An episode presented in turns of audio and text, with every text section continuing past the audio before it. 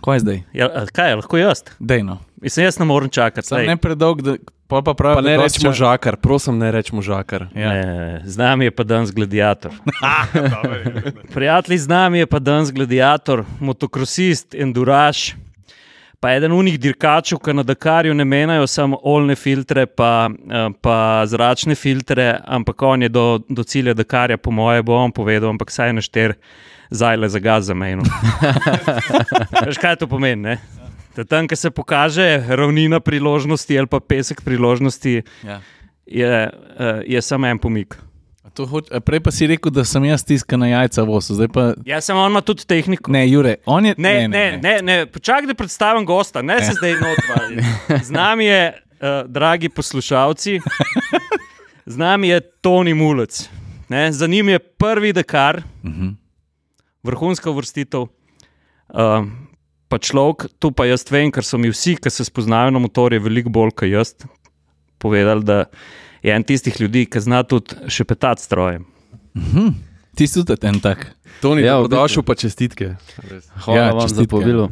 Uh, dej, ne, mene pa res zanima, a zajle. A vsi motori imajo še zmeraj zajle. Mislim, tako pač tehnika gre tako noro naprej, pa zajle so pa še zmeraj zajle. Ne, v bistvu to se moram zmeraj nasmejati, ko ima Miran zelo dobro no, anegdoto glede tega, se verjetno vi poznate. Uh, ampak v bistvu ne. Uh, Ta motor, ko sem ga jaz imel, še ima zmeraj zajlo, ampak novi motori imajo pač drive by wire, tako da je vse preko elektronike, tako da tam se zajle ne menjajo več, samo elektronika še. A, no, vidiš. čipe meni. Čipov. Čipe tako. Ej, um, a gremo malo na začetek. Ne? Ja. Zmenjeno. Uh, to ni kako hitro si ti uh, um, pod, dveh, pod dvema kolesoma zamenjal asfalt za blato, pesek. Uh, zakaj je offroad? Ko pa jaz vem, uh, že mislim, odraščal sem v vasi doma, mislim na vasi doma, tako da v bistvu tam ni bilo kaj drugega kot pa off-roada in uh, biti v naravi skozi se voziti z motorjem. Ne vem, zakaj me je to tako privleklo. Ne vem, cesta me je mogoče. Mogoče na začetku je bilo malo longa želje, da bi šel, ampak eh, pol, ko enkrat sem bil samo v prometu, sem videl, da, da to ni za mene. Da veliko raje se preizkušam na, na off-roadu, predvsem na motokrosu, takrat provi, ker v bistvu lahko nekako eh, te svoje limite lahko preizkušaš in uh, če ti vinek ne gre, pač ven zapeleš, na cesti pa tega ni. Ne. Tam pa če vinka ne zvoziš, ponovadi kam drugam spakirajo, ne v rešilca. Zapeleš ven iz življenja. Tako. Ej, kakšna je bila pa pot iz uh, motokrosa, če zdaj tako malo strnemo na, na štart prvega Dakarja? Jure ima hyper forward, ne super, ne fast forward. Na ti kar vprašaj. Gremo Kaj malo mene- nazaj, pa smo že danes. Bom jaz pa še kaj vprašal. Sorry, ampak mene je tukaj- mene je tukaj prevzelo, res. Jaz, jaz že na tistem and, andaluzijskem reliju, ki sem jaz tebe spremljal, sem da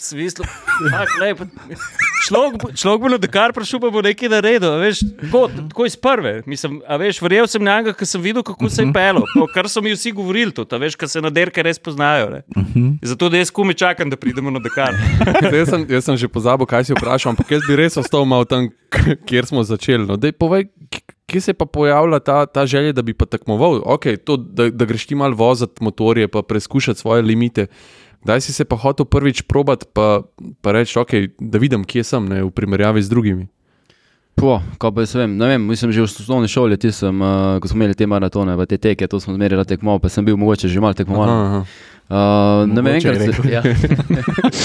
ne znam tega najbolj odgovoriti, ampak pol sem enkrat šel v bistvu na eno tekmo, so me, bolj kot ne kolegi, so me skozi vabili, da gremo, gremo, gremo, ampak to je bilo bolj kot ne druženje. Aha. In na eno tekmo, ko sem šel, v bistvu ti je bila zanimiva zgodba, ker sem v bistvu na prvo tekmo, ko sem šel od doma, pa do, to je bilo v Rakeko, eh, od doma pa do proge je deževalo skozi, čist skozi, ampak jaz sem šel to na moje prvo tekmo, ne vem, kako se spoznate na te stvari. Jaz nisem imel tir-offov, ni bilo roll-offov, ni bilo nič. To je tako, da se grem pač voziti s kolegi. Ja. Dejansko. In uh, tudi štartna rampa nisem vedel, kaj je, kaj je treba štartati, kaj je 15 sekund, kaj je 5 sekund, ampak v glavnem, da skrajšam zgodbo. Na uni tekmi uh, je bilo v glavnem tok dežja in na uni progi veliko vode ostaja, se ne odteka in uh, tudi motor ni bil pripravljen, te zračne filtre, pa te stvari, to je bilo del pamet. In uh, jaz vozim, vo- pač vozim dirko, jaz sem štartal, pa verjetno zadnji, se ne spomnim tudi, ampak pač sem vozil na dirko, pa me na ta skozi kaže, kao, to, to. Je šlo super, pa se mi kar fajn zgleda gre, a veš, pač uno, ata, zadovoljen, to je to, jaz vozim svoje dirko. In uh, v bistvu se spomnim, da mi je pokazal še finišer tam dva kroga do konca, ko imamo le, pač ne vem, koliko je bilo 10-15 minut plus dva kroga.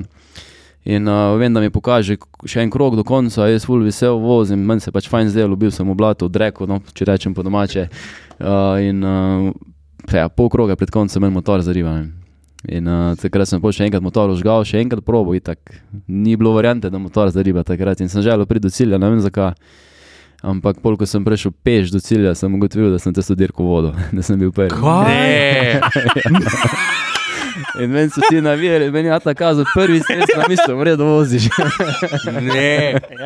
ja, A, a obstaja hujša kurjava, kot za nadaljevati kariero, kot to? Če bi zmagal, bi mogoče rekel, ok, pa če sem tle neki dosegel, vem, kje sem, ampak to, da pa vodaš, pa da ti crkne motor, to je pa uno. Hočem čim prej na, Ja. na novo dirko. Ne? ja To. tek nekaj je bilo. Pa pol tudi vem, da se spomnim, uh, tam so pobi trenirali, domačini so bili, pa se spomnim enega očeta od enih dirkačev, ki je prišel do mene, pa mi je rekel, vidiš, prav ti je. Pa se izgledam, ko pa je, takrat še nisem tudi ne vedel, da sem bil prvi. Preče, veš, zato ko stek pridrzen, zato si pa padel. Ali, ker sem v bistvu padel, ker mi je motor pač zagrabil mi je mašino. Ne. Aha. In pač sem padel, oni niso vedeli, da sem jaz, v bistvu, da Ja. se mi je motor zarival. tudi tri limone v ustih, ki je prišel do tebe, po moje. Ja. Kaj je zdaj to za en?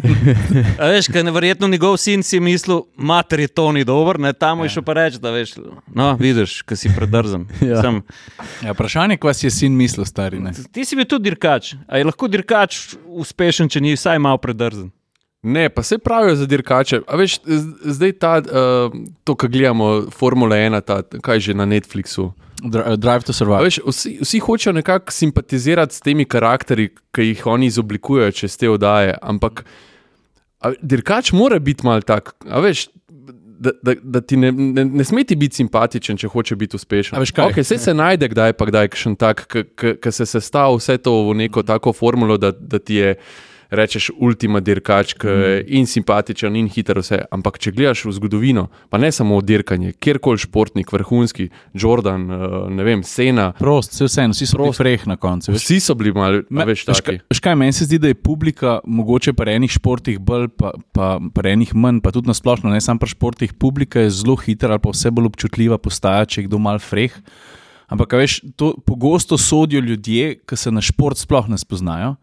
Pa nikoli niso bili v momentu, ko moraš ti, stari, moraš grist, pa se ti po domač povedan jebe za čisto vse ostalo, ker ti si tam uložil leta in leta treninga, zdaj pa, pa, zdaj pa ni zdaj časa, da si ti Mr. Nice Guy. In valjda se to pokaže ali v kakšnem intervjuju, ali na Ja. pisti, ali kje. In pa ta pa je tako nesramen, zakaj pa te tako, pa da je kamon, Sploh v individualnih športih je to potencirano krat. Ne vem, Ne, koliko, pa, ne, pa. Toni je predvsem v svoji prvi dirki pokazal to, kot doskrat najboljši, pa najuspešnejši dirkači govorijo. Ne. Dober sem bil takrat, ko sem užival na stezi. Ne. Ti nisi bil nič obremenjen. To se strinjam. Ti si, ti si tam puni rampi, gas odprl in si se pelil ne, in si užival. Ne? Ej, min grede, jaz bi šel pa mogoče še zdaj še malo nazaj, ker mi je še fajn, da. Ne, Kako bezlamo, ajde. ne, čak sem malo, zdaj, pa, zdaj sem pa jaz na vrsti. Odkud sploh si stari? Bravo. Ne. Jaz sem v bistvu, eh, če rečem, da bom začel. Iz kontra strani, iz, iz Slovengraca, iz Legna.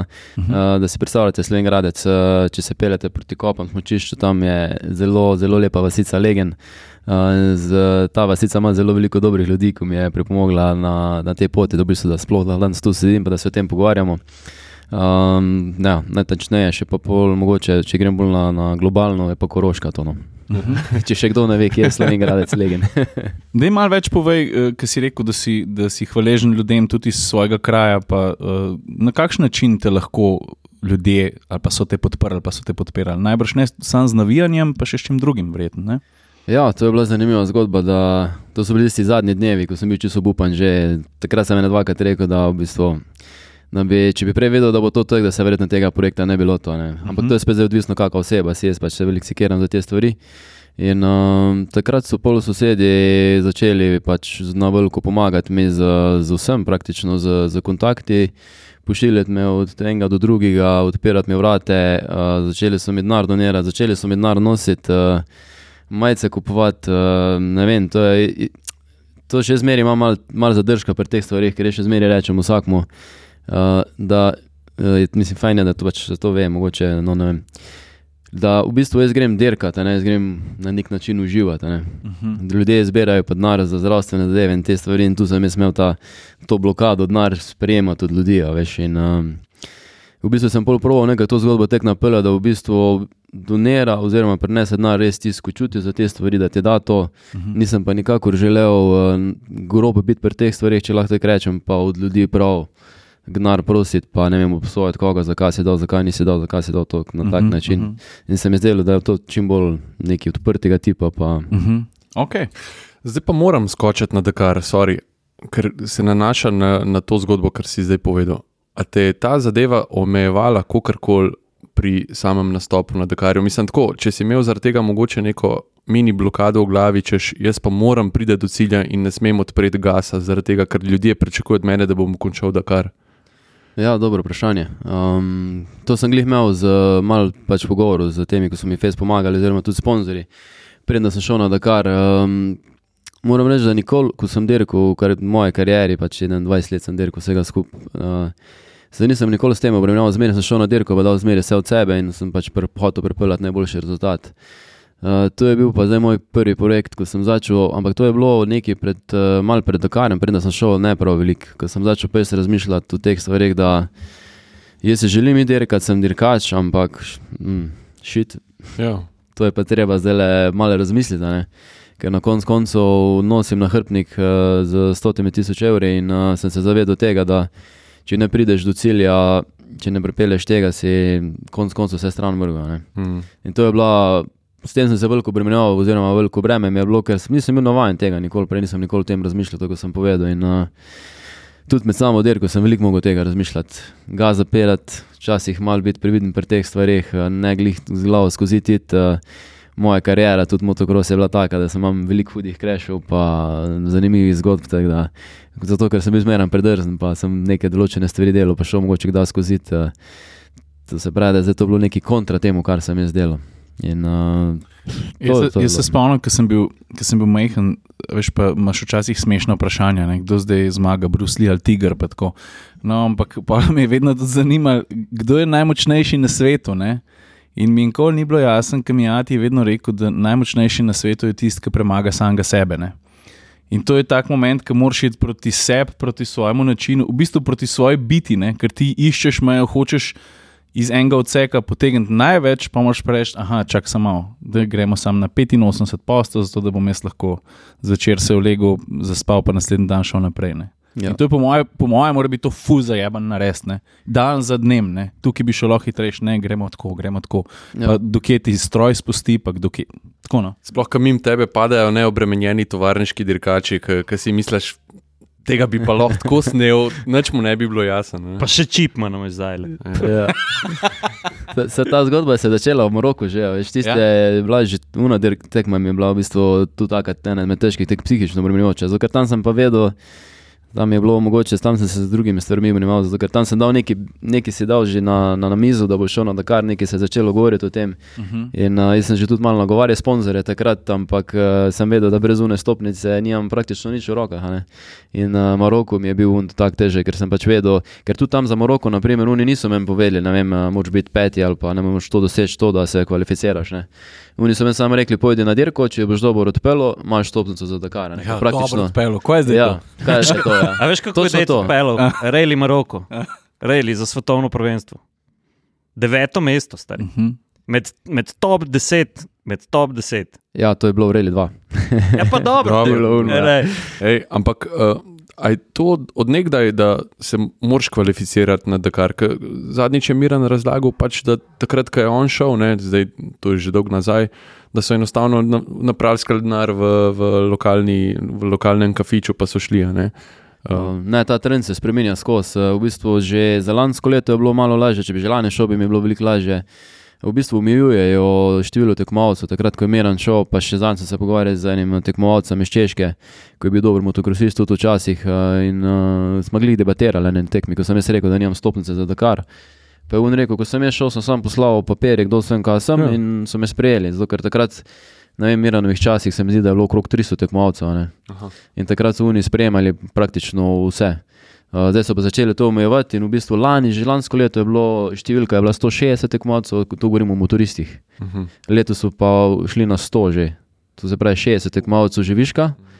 Poleg tega, če se vseh teh 60 odloči, pa še te, ko sem jaz, ko so prišli na novo. ne. Mhm. In zato se zdaj te stvari malo zaostrujejo, vsako leto bolj. Uh, predvsem pa tudi, po mojem, za leto smo imeli malo že vedeli vnaprej, da bo pač Dakar res težek in so provali malo uh, selekcijo narediti že prej. Aha. Um, Ej, jaz, bi, jaz, jaz sem nekaj, moram še povedati. Ne. Uh, Pa dej, no. Prej, ko vidim, da, da, je, da je bilo tako, Tonju, ne bom rekel, malo neugodno, ampak si tako iskreno povedal. A veš, jaz pa v tem ne vidim nič slabega, da so ljudje skupaj stopili in podprli športnika. Ne. Mhm. A veš, ker na drugi strani tudi, zakaj bi mogli Slovenci vedno skupaj stopiti za neke žalostne zgodbe, ki bi mogle sistemsko delovati. Lej, meni se zdi pa to in tudi iskrena hvala vsem. Prijateljem Toniju, pa sponzorjem, pa to, da ste mu pomagali, da je fant red šel tja in pokazal, kako se pele. Ker, ne vem, meni, je, meni je pa to zelo lepa zgodba. No. Jaz pa mislim, da Slovenci nismo škrtice za te stvari. No. Če, če se spomniš že od uh, osamosvojitve naprej, kako smo podpirali naše športnike, ali zadnjič je bila oddaja uh, dokumentarcev Podarim, dobima. Uh Mhm. -huh. Takrat smo se mi financirali, oziroma ne samo smočari, pa s časoma večina naših športnikov se je financirala na ta način. Mislim, ne, ne v celoti, ampak veš, smo uh Mhm. -huh. znali skrb stopati. No. Uh, tako da jaz mislim, da, da nismo škrtice. No. Pa ne, se ni to, bolj, mislim, to, ko sem jaz hodil, bolj so bile težave s tem, ko sem jaz hodil okrog do povratah pa trkov za sponzorstvo, pa ljudje pač. Mhm. Če vidiš, da nikomu, mislim, a veš, imaš ljudi, ko te, ko te tek podpirajo, pa z lepo sta, s tabo lepo govorijo, te dajo v zveze, če po domače rečem, ko pridem pa potrkati, je pa pol drugačna zgodba. In veliko je bilo teh eh, zavrnitev, je bilo takih, eh, jaz na koncu rečem, še zmeraj, no, jaz pravim biti tudi prijazen do drugih. In če vidim nekoga, da ima neko, neke sanje, želje, wha- whatever, da je tudi, če meni ta šport ni všeč, rečem le. Super, vse, m, ne morem te sponzorirati, ali mogoče te ne želim to, pa rečeš naslednjič, pa ga od- od- pač nekaj odsloviš na nek prijazen način. Včasih se mi je pa zgodilo, da sem tudi po kakšno uro mogel poslušati. Uh, Pridige. Uf. Tisti tis me je sezul, enih parkrat je bilo to, da sem šel skoraj sozen domov, pa si v bistvu, to so bili ti trenutki, ko si rečeš, jo, Ja. zakaj to. In, a veš, ti ljudje te pol upominjajo na te stvari. Ja, ja. Ampak takoj, hvala Bogu, pač ljudje smo se različni, naslednji dan me pokliče ej, druga oseba, nas pedera na polno, že v zraku, že letimo, gremo spet na novo naprej. In, ja, ampak veliko je bilo pa teh zavrnitev na začetku, no pa teh komentarjev je bilo ogromno, pa še zmeraj so. No, sem. Se konc koncev, veš, šport, uh, se vprašuje. Ne, ne, kar gre. Šport pač na koncu, kakorkoli pogledaš, eh, se mi zdi prav, da se tudi to podpira. Ker um, na koncu, če že mojo zgodbo pogledam, koliko, koliko, smo, koliko smo se združili, koliko smo skupaj stopili pri tej zgodbi, Mhm. to je, to je meni bilo nekaj veličastnega. Poleg tega, da. Kaj ne rečem, zdaj, da, vse jaz osebno za politike nisem bil najbolj vesel, da Ja. sem slovenc, ampak na športnike sem pa jaz, pa ne za sebe govorim, ampak za ostale športnike, ki jih imamo v Sloveniji, izjemne, zelo, zelo ponosen in z veseljem povem, da sem iz Slovenije.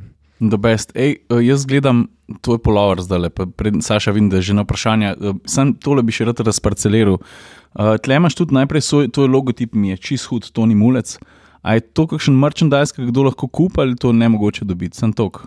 Ker smo že pri podpori potem. No? Ja, uh, ne, to je bil pač v planu, tudi da se nekaj dela na tem, Mhm. ampak dejansko ni bilo možno vsega tega narediti eh, pred Dakarjem. Tista majica, ko se je prodajala za support, je imela drugačen za dizajn, pa pisalo support Toni Mulec. Uh -huh. Tole, kar imam oblečeno, v bistvu sem, uh, imam eh, dva ali tri polovere, se, se že zdaj vidi, da je polover ne, pa, ampak imaš tudi podjetja, ki so te podprla, vidim, O, ja. Krapovič, pa, pa Junior, pa, ja. Pa tako naprej. Ja, Super. to so, to so te zanimive zgodbe, ko sem jaz ta polover bil natisnjen, preden sem odšel in nisem imel, uspel narediti več tega, ampak bo se uh -huh. pa Mhm. prodajalo, to bo se naredilo. Ja. No, super. Pa, pa, Tukaj, pa da bomo vemo, tudi to tukaj, da vemo jaz, jaz sem že zdaj prepričan, mislim, da, da to ni more iti tudi na naslednji Dakar. Ne? No, vse se bo obrnilo leto, ne, pa Ja. ja. bomo pa to lahko izpostavili, kje ne. Sej, to me zanima. Uh, Kako pa lahko letošnji Dakar, pa rezultate z letošnjega Dakarja unovčaš za naslednji Dakar? Dobro vprašanje, to bom pa videl. Uh, Se pravim, tudi pre, pre za 2023, ko je bilo, je bilo veliko govora o tem, veliko ljudi so porterali, ampak polk sem porabil, so se porate začele zapirati. Tako da zdaj odziv je velik, uh, pri medijih sem bolj kot ne bil zelo veliko, v bistvu vsak dan, se en ali pa dva intervjuja. tako da Jaz samo upam, da bodo te stvari prinesle neke, neke pozitivne stvari, pa da se bodo ljudje malo lažje odločili za to stvar. Ker konec koncev se mi zdi, da zdaj, ko sem hodil okrog, je bil ta Dakar tudi tak, je bil malo, malo zatišje. No? Niso ljudje bili lih. Uh, ravnodušni na tem in uh, določeni tudi niso poznali tega. Zdaj se mi zdi, da se ja, v bistvu kamorkoli prijem, se samo o tem govori in uh, to mi je všeč in to upam tudi, da, da bo malo lažje. No? Ja, jaz mislim, da edino voljo, ki jo lahko zgubiš, je, je ta neka podpora, ki jo moraš iskati, ne pa dobivati uh, ta denar, da kar kot da karte, pa valjda še mika, ne, kot je dirka in verjamem, da te bo tudi v prihodnje. ne. Ja, ja, definitivno. Mislim, moja želja je tudi, da odpeljem celo reli prvenstvo, svetovno prvenstvo, ko se začne, mislim, da se je že začelo z Dakarjem, ampak nadaljuje se konec februarja, tako da bi že tu rabo finance. Uh, to je definitivno zmeraj, pa vse odvisno od, uh, od financ in uh, podporta, želja, pa to pa sploh ni vprašanje. A pa prihajajo kakšni namigi tudi, glede na to, da, da si bil opažen, pa da delaš uh, s tovarniškimi ekipami, do tega bomo itak še prišli. Ja, ja. Um, Postaja mogoče neki namigi, da bi mogoče lahko bil opažen tudi znotraj teh krogov tovarniških ekip. Uh, trenutno je, kako bom rekel, ta scena na Dakarju je malo tudi Yamaha zelo težila, ker je odstopila od projekta in uh, nimajo več te faktori ekipe. Teda se avtomatsko pojavi neki, neki dirkačev, novih, uh, kvalitetnih in uh, še nekaj se govori o teh stvareh. Uh, poleg tega, da neke pogodbe so že sklenjene, pač te stvari vem, da so neke določene stvari naprej, uh, naprej uh, sklenjene. tako da Tu je zdaj samo bolj vprašanje splet okoliščin, rečemo, no, kar koli se lahko zgodi, se kje kaj obrne. Um, ni pa nič kaj takega, da bi rekel, ok, nekaj imam na vidiku, mm. uh, da se bo to zgodilo. Je pa definitivno malo težava pri meni, ker me vsi nekako povezujejo s tem, kaj temo. Ne? Ja, vse zato to te hočemo vprašati, ker dajmo razjasniti, kaj ti delaš, kaj je tvoja služba. Ja, v bistvu to te, tesni voznik sem, pač, to je prostransko, to mi je hobi. V bistvu, no. Ja. To je tisto, da nekaj delam izven pisarne, da ne rabim Ja, sedeti ja. v pisarni. Drugače se tu s prevozništvom ukvar- ukvarjam, to mi je tista dejavnost, ki mi prinaša nekakšne prihodke oziroma težave. Eh, Tako da v bistvu kot tesni voznik delujem eh, pri podjetju Akrapovič, bom rekel prvo, to mi je to zelo, z, mislim, rad delam z njimi in um, imajo tudi uh, drugačen pogled na vse stvari in to mi je všeč. Pri njih, eh, drugače pa tudi delam za KTM, eh, Gas, Gas, eh, Husqvarna, pač to je, spada pod isto streho vse skupaj.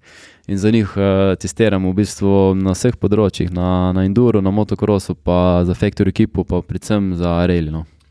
Torej, čeprav razumem, ti zelo dobro veš, kakšne motorje imajo tisti top dirkači, ki so zmagali na Dakarju. Preveč Mogoče celo boljš kot oni sami.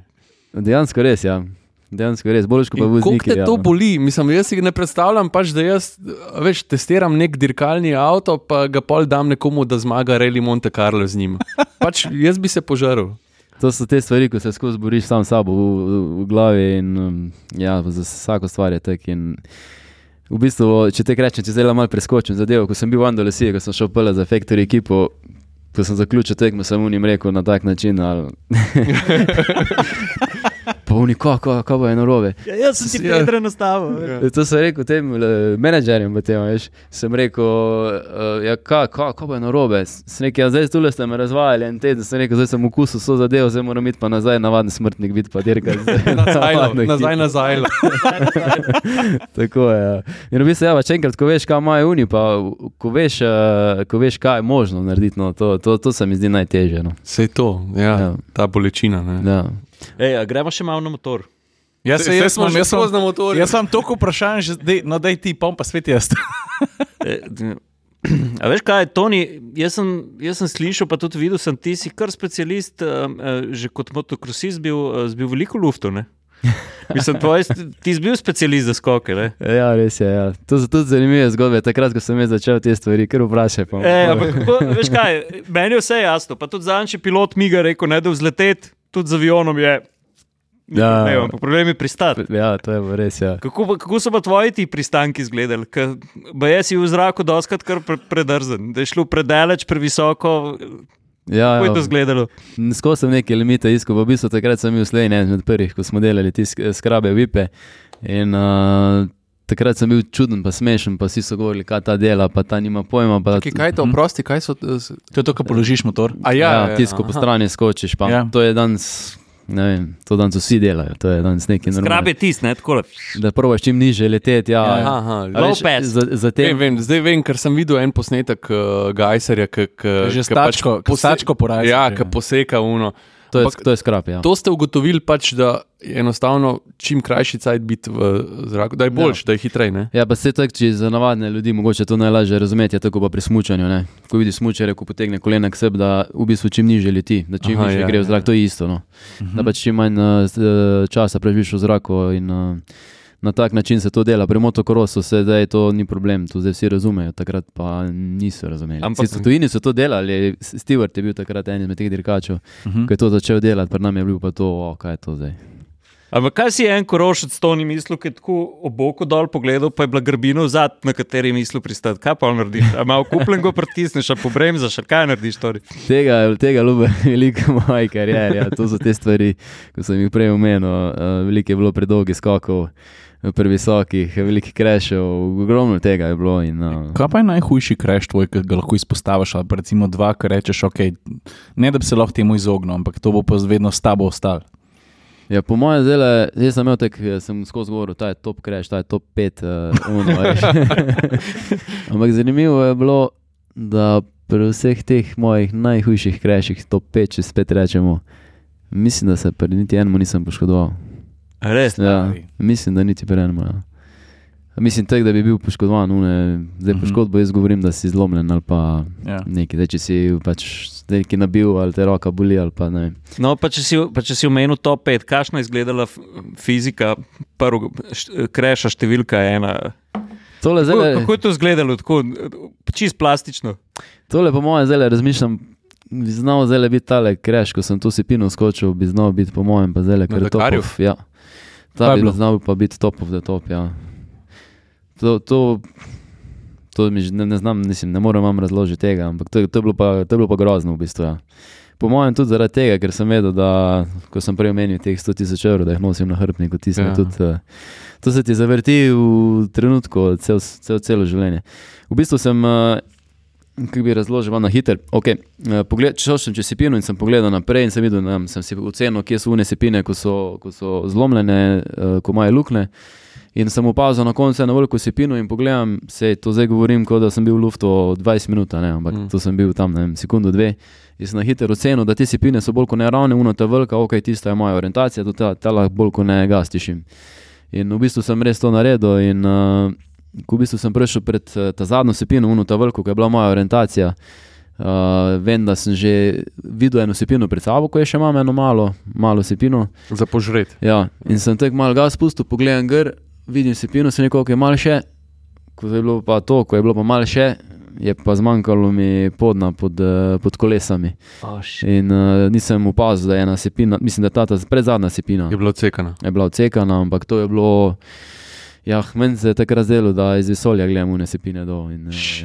Tisto je bilo res, eh, res je bilo, mislim, grozno je bilo zavedati. Uno, kot ti sapo vzame, to je tisto, ko v bistvu filmu gledaš, ko muzika vstane, kot tišina. Veš, kot un smočar, ki pride na rob, pa kar naenkrat vidi, da nima več podna, pa ga Wow. zmanjka, pa dol pade. Ne, ampak, ampak jaz se spomnim, kako izgleda. Ko zgleda, ko moraš ti na počas, naprimer, terenca čez sipino, ne, mm. pa, je, pa je luknjo od spodaj. Veš? Mm. Da si pa ti predstavljaš, da je to presenet, ker to je lahko hitro visoko, tudi 10-15 metrov. Ne? Pa kaj motor čim prej od sebe, ne?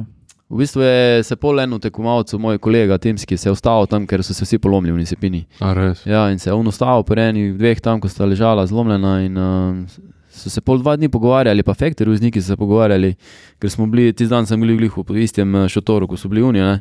Vse neki pogovarjajo, eni sepini, ena sepina, ena sepina, tam to globoka, to se jih je polomilo, poslušam une poškodbe, jaz tako sem rekel, ušit, kje je to sepina, jaz ne vem, še kako kje je to, kako sem jaz to spregledal.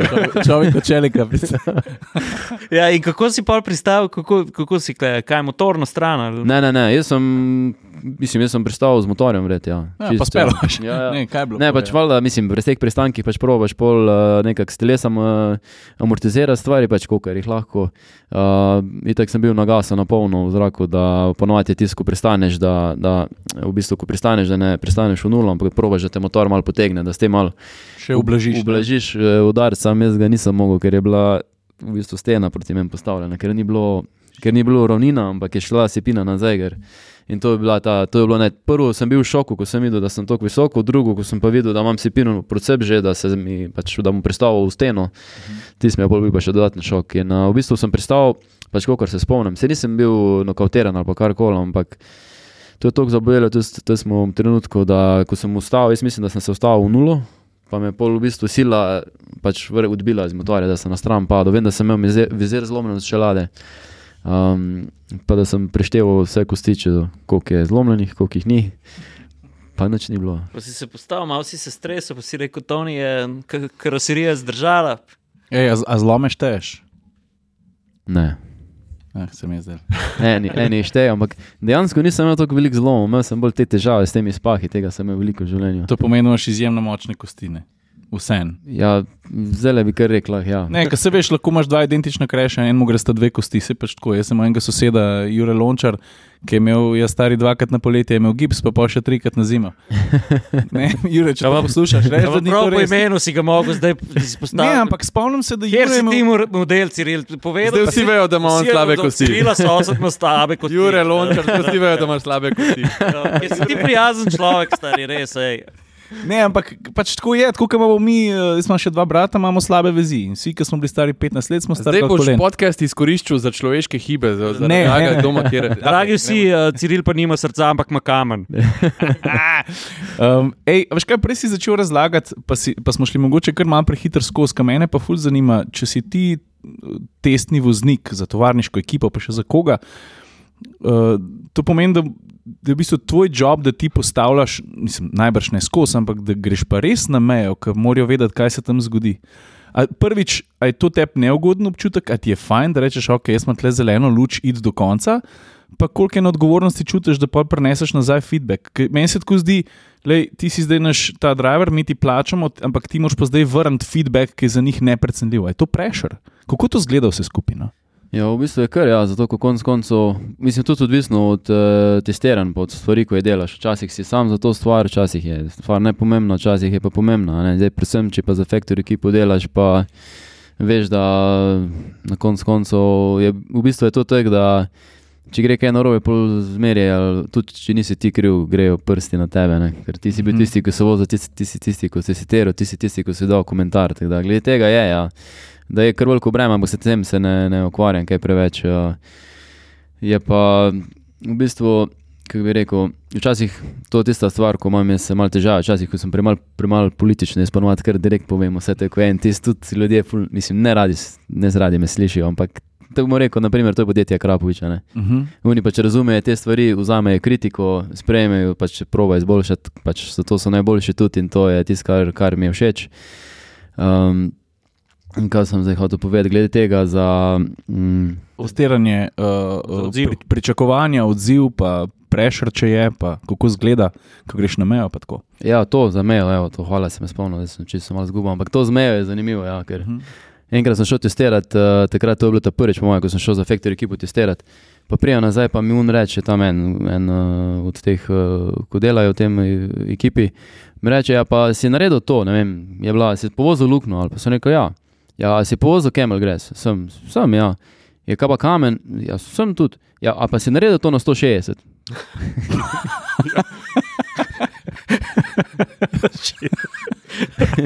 A veš, Okay. Nazaj, če lada gor. Sem na 155, a res moram 160. 160 mora videti. Ja, to so te stvari, v bistvu, ko moraš nekako uh, zavestno, zavestno delati neke stvari. In uh, tu moraš pa imeti, uh, se mi zdi, tudi glavo na svojem mestu, da ker res to njim, a veš to, oni me tako vprašajo, os- pač ljudje neki pričakujejo od tebe neke odgovore. Uh -huh. In jaz sem to pol in probo enkrat razložiti, da je full razlika. Ali se jaz, a jaz to si pilno, ko sem jaz skočil, skočim zavestno, ali bom skočil pač zato, ko se je to glih takrat zgodilo. zgodilo ne. Uh -huh. In uh, v bistvu je tem, uh, to je spet neka zadeva, ko bi lahko malo bolj debatirali, ampak v glavnem, če te kar razložim, na, bolj na hitro. Če ti nekaj zavestno narediš, se ti prilagodiš in uh, boš ti drugače reagiral, motor boš drugače postavil, kot pa takrat, ko, se, pa, ko te nekaj res preseneti, pa se nekaj zgodi. In to so tudi uh, drugačne reakcije od motorja a ne, in tudi ti jih drugače čutiš, to je naslednja stvar. Spet moraš iti procep, ne? Ja. Ja. Moraš zapeljati drugače, kot bi sicer, zato Ja. ker zdaj si tam, da točno to preizkusiš. Ne? To ti bi tako rekel, zdaj vrate imamo zaprte, vrate testiramo, koliko so močne.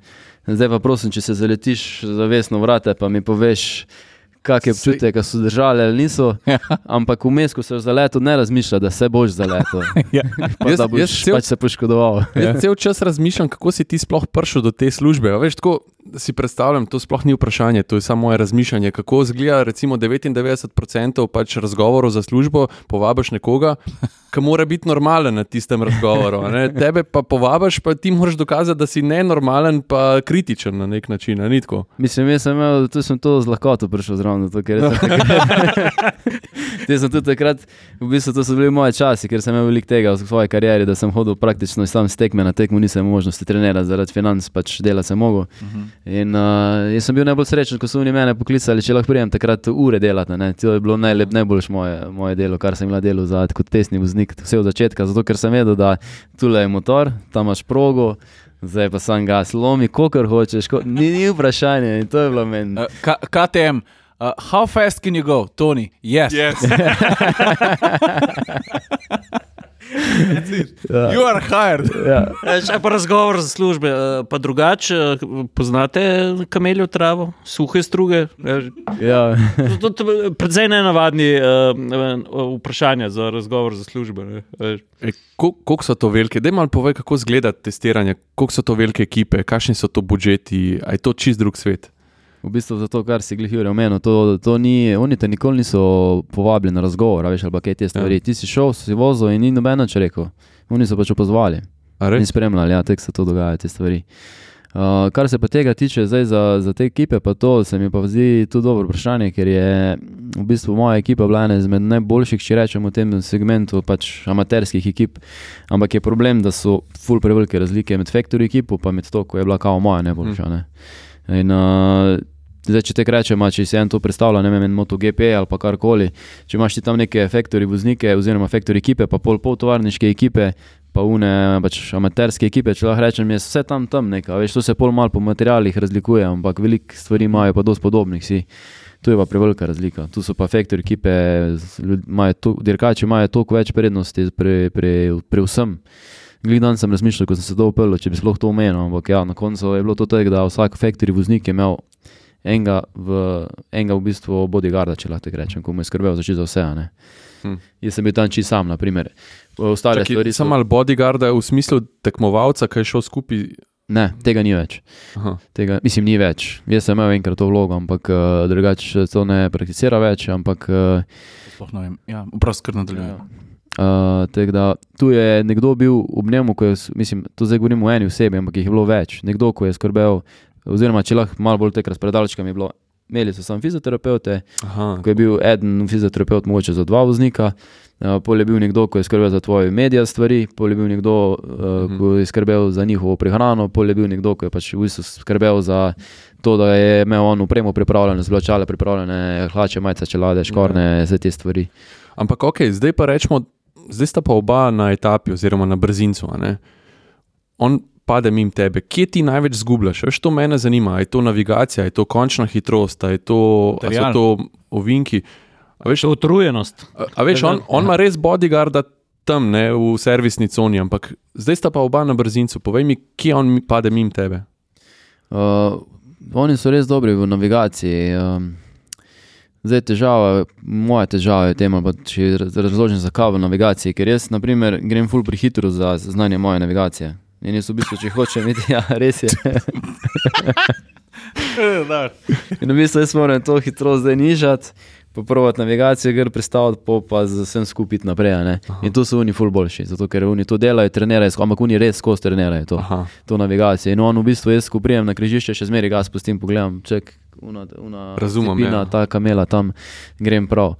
On pa to v bistvu dela v, v gasu, vse skupaj, da vam najlažje razložim. In tu oni so, so definitivno veliko boljši od, hmm. od nas.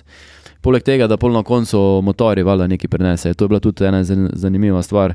Ker na Dakarju sem jaz imel v svoji ekipi še dva voznika, enega francoza, pa, pa enega južnoafričana. In uh, ta južnoafričan je imel pač factory motor, podporo njihovo. In uh, ta francos je imel pa motor res dobro našpičen. ne. In smo en dan skupaj tekmovali.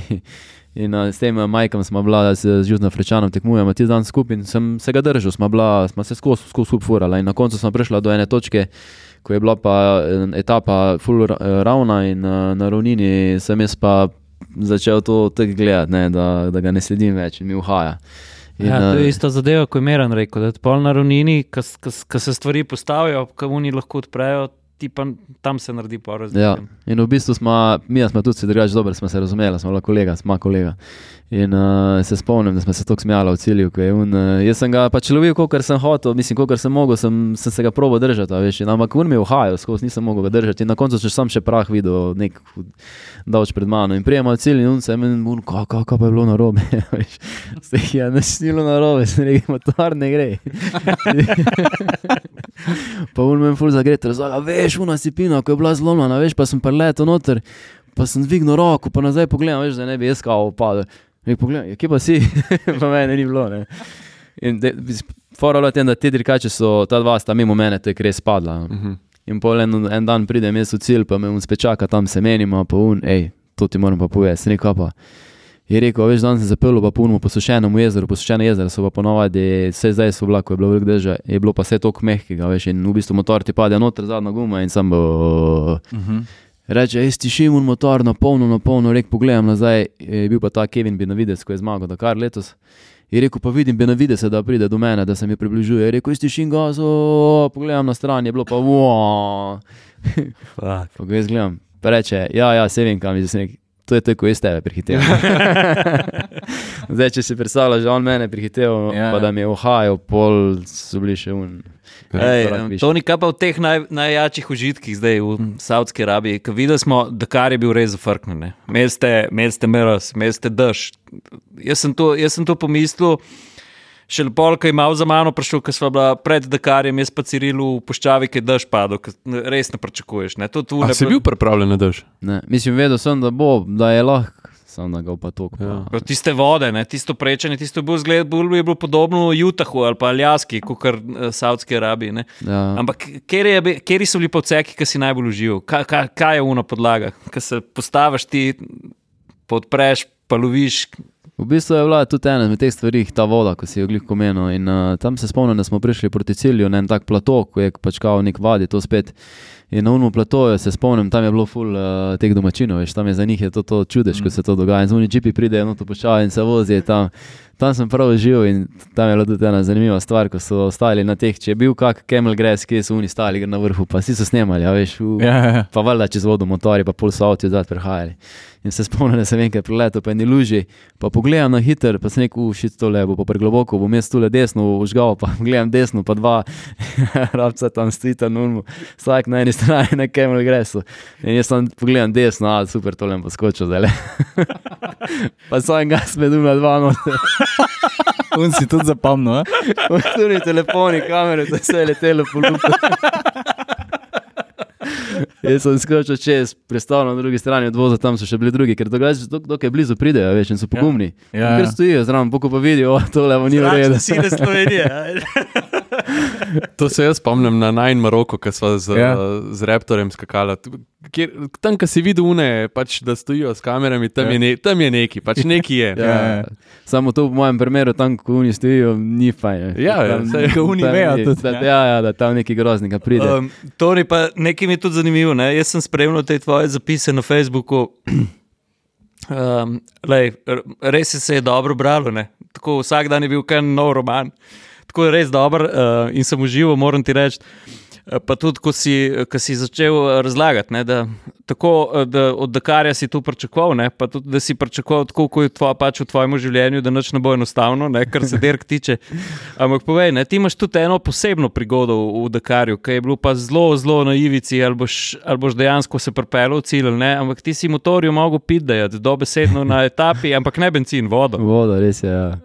Kako je to izgledalo? Kaj je načel- bilo s tistim hladilnikom? Načeloma, ko to bil že drugi dan, sem rekel, a že kar tako je, ali kaj, a ne morem se malo uživati v tem Dakarju. Ko sem videl, da se je mi uno lučka pržgala, sem rekel, "A, to ni v redu. In, uh, To je bilo zelo zgodaj, a veš, in pa dobro mi je šlo. V začetku sem nekako se dobro počutil na motorju, vem, da sem tam enega z rumeno številko lovil, se ne spomnim, kdo je bil. In sem jih tako vidiš enega takega, to je dodatna motivacija. Tišim, Ja, tišim, ja, ja. tišim, pa se pelem, vem, da je bilo takrat že šlo proti 160, ker je bila malo trda podlaga. Pa je šlo, ko v bistvu imamo, jaz sem si na monteru lučku, da, na, da me začne opozarjati eh, na 150, eh, ker 160 je umito, če, če ne veste za, za Aha. top speed, ne Top smeš speed, več. ja, ja. ne- Ja, sam 160, lahko greš več, ne smeš. Oni pač GPS-ji vse merijo. Ne? Ja, ja, to dobiš kazni, no, tu sem bil vrhunski v Andalusiji, kar se teh kazni tiče. In, Prehiter dirkač na dirki. ja, to je smešno. In uh, v bistvu sem takrat uh, pol, ja, ok, začnem gas puščati, pogledam spot, ah, šit, ta lučka se je prižgala. In uh, sem začel, ko sem prišel v to neutralizacijo, neutralizacijo ne smeš motorja popravljati, tam je valjda jaz drugi dan. In Te stvari se, se mislim, vse sem iz Maroka malo vedel, ampak malo pozabiš, ker nisi v tem v stiku s tem. In že takoj urodje ven hiter, bom jaz tole rešrafal, da vidim, kje je voda, da popravim, pa un organizator je bil prijazen, pa je rekel, hej, kaj delaš? Bilo, no, okay, ne smem popravljati motorja. In, uh, v bistvu sem sam gledal, kaj je bilo, in nisem več videl tega primernega. In sem v bistvu sam šel tja, dve vodi si vzel, dal v podjakno. In sem rekel, grem naprej, pa če bo kaj, bom se ustavil. In uh, pol sem se ustavil tam, takoj po desetim kilometru je lučka gorela. In sem videl, glih avto organizatorja, pa drevo sem videl, to se spomnim, da so si rekli, puščavaj, če gre kaj narobe, probe senco najti, ker če si dlje dlje časa tam, pač da si v senci. Se ostanem tam, začnem eh, pač razdelati motor in uh, nisem še tam točno vedel, kje je spušča voda in uh, pol, ko sem gotovil, sem v bistvu kar malo tema naredila na oči, ko sem videl, da je pač killer počen in, in Se nimaš kaj dosti. Tu je pa, ker ponovadi se, mislim, voda hitro spušča, to vem, pa lahko se tudi raširi, če se začne pregrevati mašina, vse te stvari. Poleg tega, da sem vedel, da še imam vsaj 300 km še bilo do cilja, pač off-road, ne to, da si zdaj nek na cesti. Ne. In uh, tudi tisti cajt, ko sem to delal, sem videl, koliko dirkači hodijo mimo mene in sem vedel, da kaj vse prihaja za mano. In nisem v bistvu v tistem 5-10 minutah, ko sem to delal, sem vedel, da me čakajo štirikolesniki, da me čakajo avti Kamioni. kamioni. Predvsem pa me je začelo biti strah, če mi je sploh, uh, oziroma sem bil skrbeh, no, am sploh prišel pravi caj do cilja. Mislim, kakorkoli. No. Ja, Veliko moraš stvari, je- veliko stvari je bilo no, takrat. In uh, pol sem tiste uh, tam organizatorje prosil, da mi še malo vode posodil, da sem uh, motor na, napojil z vodo. Pol sem pa vedel, da bom itak hiter stal, veš. In uh, še tam, kolikor sem imel flash, sem jih nabral, ampak je bilo glih dosti, da sem prišel do naslednje neutralizacije. Tam je bilo pa smeha, tam pa itak sem že do te neutralizacije, sem- ne vem koliko sem stal, ampak v glavnem sem vedel, da še imam 200 km spet do cilja. In takrat sem začel jaz nalagati mojo jakno z vodo in sem v bistvu camelback, zadko je plat za camelback 3 litre, lahko imaš. eh, Sem na basu polno flash vode, žepe polne vode, te čokoladice, to je bilo vse noter. In zunmo nalagam, a ful tako, kaj gre voda, moja jakna, veš, vse. To je test. Ja, tam je bil en teh uh, od organizatorjev, spet, ko je tam delo, sem pol na basala uno vodo, on je kar prenesel, ne six-pack, ampak un velik plato vode, Ja. yeah. in mi ga pol note zbašemo. Fejstek, nekaj smo pozabili, pa unkas, jaz ne vem, če lahko to zapeval, veš. Jaz sem dam jakno grco, pitak nisem prišel niti blizu, ker je bilo to vse tako nabito. In sem pol malo flash ven zmetala in se spomnim, da na koncu se neko opteto ma še pusla, pa dam jaz jakno gr, pa, nare- pa un prova, pa če za provo zapneti, tako ni šlo, pol sem pa jaz mogel narediti. Trebuh not. Je in pa si potem- sprav dolil, no, tu. Ja, pol sem pa se ustavil, sem se pa vmes sem se še pol ustavil, ker sem že vedel, da pač moja dirka je konc, sem videl Salvinija, tam ne vem, če poznate Salvinija, ten uh, svet, uh, svetovni prvak Enduro. Uh, se mi je zvajster zasmilo, čist, ko je tao tam neki s tem zlomenim tajerjem, s tem fan, eh, fantikom, uh, niso bili čist nepripravljeni. In, uh, sem se pri njemu ustavil, pol pa sem šel njemu še pomagati, tao razrihtati, da je lahko šel naprej. Mhm. Uh, čez par kilometrov sem se spet jaz ustavil. In da, v bistvu sem se mogel ustavljati, ne vem, koliko sem se ustavil, do štir, štirikrat ali šestkrat, ne vem. Pa razred v bistvu cel motor, mislim, cel motor. In če sem jaz prav računal, Toni, ne, pa me popravi, ne, ker sem gledal um, te uh, pol končne razvrstitve na Dakarju. Ne. Če te pkle ne bi šle, te kle si izgubil tri ure, saj ne. Mislim, da je v samem času tule mi je tek, mi ni smiselno preveč govoriti, zato ker sem izgubil na drugih stvarih preveč. Uh, jaz sem tisti dan izgubil, jaz sem izgubil ogromno, ogromno uh, kondicije, uh, ogromno uh, koncentracije. Uh, Dehidriran sem bil, ker mi je zmanjkalo moje vode za pit, te nisem hotel pit, ker sem pač. A veš, ko si ti enkrat v unmu, v unmu momentu, ko te stvari rešuješ, niti nisem razmišljal o tem, da moram, Oseb, tudi, v- da moram na sebe paziti. In, uh, moje vode je zmanjkalo, ampak pol sem pač rekel, ok, v redu, zmanjkalo je tvoje vode, Valjda gledaš na uro, ne vem, vse čez dve uri bom v cilju, ali pa ne vem, se ni panik, jem že zdržal, veš. In potek sem tudi navajen skozi celo življenje. In, in nisem sam pil vode. In je, ta, to je bila moja težava. In jaz, ko sem prišel v cilj, sem bil v bistvu izmučen. In v bistvu zaradi tega, ker sem toliko vode sabo nosil, to je teža, veš. Ja, seveda. In to sem skozi, jakno dol, rešrafat, nazaj. Ko sem, bil, ko sem to delal, sem bil zmeraj na soncu, se potiš, eh, zgubljaš eh, tekočino. Uh, jakno nazaj, ker to težo voziti, vstaje se voziti, razmišljati skozi, da ne bom, ker res nisem vozil tudi dan na pol, ne sem vozil ne vem, na 70% ali koliko, ne vem, 60%. To, da sem pač prišel skozi, ker sem vedel, da čim prej tišel motor, se bo pregreval in bom imel še več težav. In se spomnim, da se je bil to nas pol to dan, ko je bil moj hrbet praktično uničen. A veš, eh, zaradi eh, dehidracije, pa zaradi eh, tega, ker sem nosil to teže sabo skozi cel dan. Ja, seveda, pa tudi, če si vozil na 70%, je to treba amortizirati z mišicami, z vsem. Ne? Ja. Ker In- si predstavljam, da voziti Dakar na 70% je še vedno resno, resno športno udejstvovanje. Ja. Tako da v bistvu s tem sem zgubil, jaz velik tisti dan. In uh, se spomnim, pol, mislim, da, bilo to, da je bilo to tako naslednji dan, pol smo imeli pa težko traso. In naslednji dan je bil pa moj hrbet še bolj uničen. In se spomnim, da tisti dan, ko smo s Sandersom bila skupaj na, na štartu, s tem, ko je vozil, ko je faktori voznik, in uh, se neki zabavamo tam, kao, kje me bodo, pa iz njega pogledam. Pa sem rekel, je stari, pa unavum, čist naspedeno. No, veš. "O, zdaj pa bomo. Če Kje- masaže prišel. Ja, ja. Jaz sem ga gledal, sem rekel, stari. jaz Če sem bi ti mrtev." vedel. Jaz sem mrtev. Sem rekel, meni je hrbet, jaz imam zdaj maskel fiber hrbto tako, da sploh ne vem, kako bom. Na koncu. Ni bilo jasno, kako bom ti dan štartal. To je tako, sem bil na štartu, pa to je bil ne vem, kjer dan, četrti, peti. Ja. To so te težave, ki, so men, ko mi jih je tam preneslo in jaz pol to čisto drugače gledam, veš. In zaradi tega pol tudi ne vem, koliko dni naprej sem imel težav s tem. Poleg tega, da zgubiš stik z, z dobrimi tekmovalci. Ja, naslednji dan, ko sem pol štartu, ne vem, ko sem bil 80 ali 90, nekaj takega, če so zad. Sem mogel vse te tekmovce prihiteti, uh, kadi se ti štirikolesnike imaš, ko jih moraš spet prihiteti nazaj. Veš, to so te stvari, ki jih ne moreš uh, Predvideti. Ja, pa niti jih ne moreš, eh, ne moremo reči, zdaj, koliko sem izgubil časa. Veš. Kaj je bil pa palun trenutek, ko si pa spet dubil motivacijo, ki ti je bil tako, ki si rekel, šit, jaz to moram narediti, jaz, jaz bom prišel do cilja. Tako, a, a je bilo to spet, da si nekoga prehitev, ali si, si se spomnil na kakšen dogodek, ali na kakšne ljudi, na podpornike, kako koli. Ma, tisti je bilo, v bistvu, ko sem štartal, sem bil čisto krčil, takrat Sanders, to da ne pozabil nikoli. In uh, smo imeli pač, smo se menila, kje me bo dobro, na kjermu kilometru. In uh, sem jaz, ko sem zdaj gledal, kje je, kje je, veš, me bo dobro. ali Ne, in polko me je dobro. Po, ne vem, bil pa klik in sem rekel, noč, jaz grem pa zraven tebe naprej.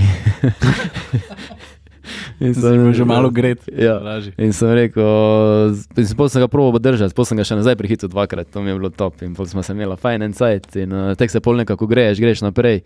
Uh, normalno, da takrat si v glavi, ko imaš, izmeri spomniš. To so bile te stvari, ko se pol spomniš vseh tega, te ljudi, ki so donirali, sponzorje, ljudi, ko pogledaš Facebook, to je bilo ogromno lepih komentarjev in Ja. to so tiste stvari, ko ti pol pridejo v glavo in te dvignejo nazaj in greš dirka spet. E, ampak prej, ko si luknjo menil, ne, pa to si pino, pa kako si lendo. Ne.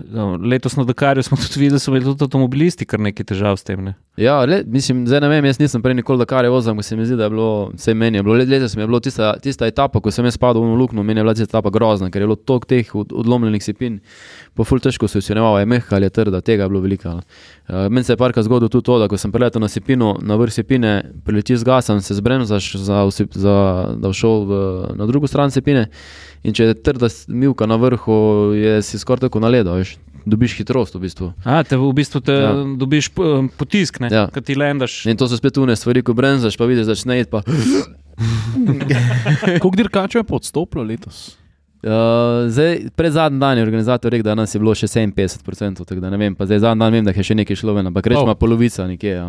Naša dva sta oba v cilju, tako da respekt, stari. Ja, ja se vem, ne, ampak hočem reči, tja pridejo sami uh, orank vozniki in pa da gre pol stran, pa vem, pa tehnika pa vse, ampak to, to je kronski dokaz, koliko je to zajebana stvar. Ne. Ja, čeprav glede dobrih voznikov, tam v zadju je veliko slabih voznikov, mislim slabih voznikov. Ne morem reči, da so slabi vozniki, ampak ljudje, ko grejo na neko avanturo in želijo priti od točke A do točke B, tega je tudi ogromno. Uh -huh. Pa se mi zdi, da v zadnjih letih je bil Dakar, mislim, se za zadnji Dakar, pred zadnjim Dakar, so vsi rekli, da je bil, ful, so se pritoževali, da je bil prelahek Dakar, prekratek, eh, prelahke etape in se mi zdi, da se je mal ta številka tudi mal povečala teh voznikov. Avanturistov. ne. Ja, ja, ja. In pa še zmeraj je fora v tem, da naprimer, če rečem takih, kot sem jaz, je, nas je veliko, ko nimamo denarja. ne. Oni mm -hmm. pač imajo in pridajo in od, od karta. No, sej, to, sem, to, je pa, to je pa meni en fenomen te dirke. Dakar je še vedno dirka vseh dirk, kar se tiče off-roada. Ampak uh, glih to, kar si omenil. Veš, jaz sem zato tako spremljal uh, Tonija, ker sem vedel, da on ne gre avanturo narediti. Ne? Jaz, jaz bi srčno računal 8000 čaka. Ne? In če bi imel denar, danes ne rabiš biti vrhunski alpinist, da prideš recimo na 8000 metrov visok čovju. Moraš biti Ja. Moraš biti dobro pripravljen, moraš imeti ekipo, moraš si šerpe najeti, vse, vse to. Ampak, lej, da ne bo, da ne bo uh, nesporazuma. Jaz vsakega, ki prepelje dekar, spoštujem. Ne? No, Ampak, to sem čakal. No, tako kot bi jaz spoštoval vsakega, ki 8000 čaka v Sloveniji. Jasno, razumeš? ja, jasno. Tudi imaš gentleman driverje, ampak lej, da kar odpeljati, stari. Ne glede na to, koliko denarja Ja, imaš. ampak jaz ti sem hočem reči, jaz sem pri Tonijih vožnjah tako užival, ker sem vedel, da Toni Mulec ni prišel na Dakar na življenjsko avanturo. Ne? On je prišel na Dakar kot dirkač. Mhm. Uh, tisto, kar je zanj Šmeren razlagal, tudi, ko je on to tranzicijo dal čez, ki se je tepel z najboljšimi. Ne? In meni, jaz, jaz na koncu bil res iskreno ponosen, iskreno vesel, ko sem videl, En korošec je prišel tam med, med 24, za motorju je pit dejal na začetku. Veš, to je to, kar ti razlagaš, ker ti si podrt, čist, mm. Ja. v tlate pritisnejo. Veš, da unmo, ki si motor testiral, kaj ima un vse, ti moraš kle motorju pidati, pa pa tak rezultat narediš. In meni je to, um, meni je to najjača scena letošnjega Dakarja. No in zakaj sem roko dvignil zdaj? Um, kaj me zanima? Um, kako se recimo razlikuje, če gremo, ki si rekel, mo- motor testiranja, pa tako, kako se razlikuje testiranje za Krapoviča, pa za KTM, ali mislim, za neko tovarniško ekipo, ali pa za nekoga drugega? Kako, da mal kakšno usporednico potegniti, pa kakšne so razlike, na kaj moraš kje paziti, kaj se dogaja, kje, kako prestopajo, pa kaj se meri, kaj se gleda, kaj telemetrija kaže. E, to je, mislim, težko primerjati zdaj krapovič, pa kaj tem, ker eh, se delajo različne stvari. Um, tako da v bistvu zdaj pri, pri Factory ekipi. Uh, mogoče so malo različni pristopi, pred, mislim, razli, so odvisni od stvari, ki jih delaš. Naprimer, pri Factory ekipi imaš je pač toliko večja možnost, ker oni, če lahko rečem, te kuni eh, razvijajo neko stvar, eh, se testira za specifično za, nekoga, za nekega, mislim, rečem lahko bolj kot ne za dotičnega tek- tekmovalca. Uh -huh. Uh, Medtem ko če delam za, za kako drugo stvar v smislu za enduro, motocross ali pa tudi pri, če la rečemo pri Krapoviču, tudi imajo različne poglede, ampak eh, se pa mogoče kje dela bolj na, za, za široko uh, publiko in uh, je tudi razlika, a delaš za, za tekmovanje ali za neki za, za proizvodno. No. Za serijski izdelek. Ja, ne. serijski izdelek. Koliko je pa kaj poln tvoj urnik? Skozi. Nič Je, ne da. prej, ja, ja. Dej, kako izgleda ta tvoja dva naslednja dva, dva meseca, recimo, me zanima. Za naslednja dva meseca zdaj sploh ne morem reči, zato ker je v bistvu ta reli eh, tekma konc meseca in uh, v bistvu gre nek ves ta fokus, se zdaj fokusiram na to in čakam, kaj se bo tu razpletlo. Ne? Ampak, uh, naprimer, uh, jaz delam od jutra do večera praktično vsak dan, zato ker da lahko delamo vse te stvari, toliko različnih stvari, pač, uh, če hočem iti en teden testiranje, pač moraš ostale stvari podelati doma prej. ne. In v bistvu te vikendi, ko so fraj ali pa te eh, nočne ure, zgodne, jutranje ali pa zvečer pozno, pač tu pa res preživim v pisarni ali pa delam kakšne druge stvari, treninge delam. Uh, zato da pač lahko delam toliko različnih stvari, kot jih delam. No. Uh -huh. Ej, ampak um, glede na to, da ti eh, tudi šleparje v rekord sporineš tako, kamor češ, ne, uh, pa zelo hiter.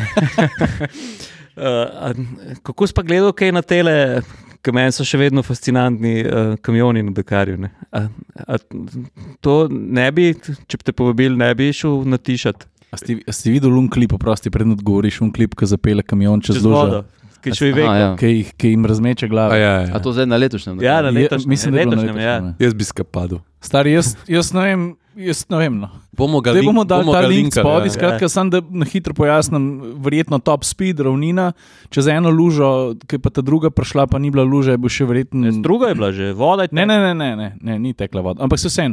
Njih je tako razmetal po kabini, da, da kar ne moreš verjeti, da so oni sploh živi. Uno, da ni pesa out all over. To bo- bom ti pokazal, pol ta klip, noro. No. Ja, ja glih to je ta stvar. V bistvu sem imel ful željo iti s kamionom. V bistvu z motorjem vsi vemo, da je pa z motorjem je naj, najnevarnejša stvar, kar se lahko lotiš. In vsi, ko so šli motoristi, ko so bili dobri, ko so zmagovali Dagar, ko so šli pol z avtom, so si rekli, če bi oni pa prevedli, da je to na izi z avtom, pa ne bi nikoli šli na motor. Ampak ko jih gledal, sem tako rekel. S kamionom bi mogoče šel, zato ker je pač to nekaj ekstra, ni, ni glih neko vsakodnevno. In uh, pol, ko sem bil tam, se, ve, se te, te prezame te stvari, to je tako veliko, to je tako ena tehnologija v teh kamionih, mašine so tako velike, ta zvok, moč, to je. Kolesa, velike mrzezerje, velike, to, to so te stvari, ki so ogromne, ko, ko me pretegnejo, definitivno. Ampak, pol, ko sem začel pa malo njih poslušati, pa te, ko so bili v kamionih, pa verjetno ne bi šel nikoli več s kamionom. Ker to je glih to problem je v tem, ker ni odvisno, kje je kabina, ne, kabina od spred ali je zad ali na, na, direkt na Adaksu. Uh -huh. In tu so ogromni, ogromni udarci, predvsem veliko velik teh uh, voznikov, sovoznikov, mehanikov, vse kar je v kamionu, imajo poškodovane hrbtenice. Oh, še se si skozi. Ja, zato ker nimaš, uh, teh zici so večinoma vsi polomljeni na koncu, ker, je, ker ni amortizacije. Premalo je amortizacije. V bistvu je avto veliko bolj komodne. E, ni to Ja. ja. tako, kot tele sedeži, ki veš. Ps. Ne, ne, ne, ne, na zraku. Ne, ne. No, Ker to- ampak ta posnetek bo to potrdil. Evo, Ja, glej. to je to. Je, Eh, to, je to. Sam To to, to morate še vedeti, da v prejšnjih časih, zdaj, ne vem, da so dobili te limite, ampak prej so kamioni šli tudi 200 na uro, mislim, da je Ja, bilo vem, ja. 220 ali 230. To je Shit. pa. S kamionom. Ja, Se obstajajo neki posnetki, oni stari, ki Ja. ja. kamioni prehitevajo motorje, tako pri top speedu. Pa, Ja, ja, ja. tako noro. Um, veš kaj mi, uh, vedno sem se sprašoval, ne, ti, si, ti si res specialist tudi za milko, pa pesek, pa te stvari. Ampak doma si iz Koroške, ne, jaz razumem, tam sigurno znaš dobro s traktorjem, smrekevan šlajsat, uh, motorko vladaš, vse te stvari znaš, ampak odkje pa pesek?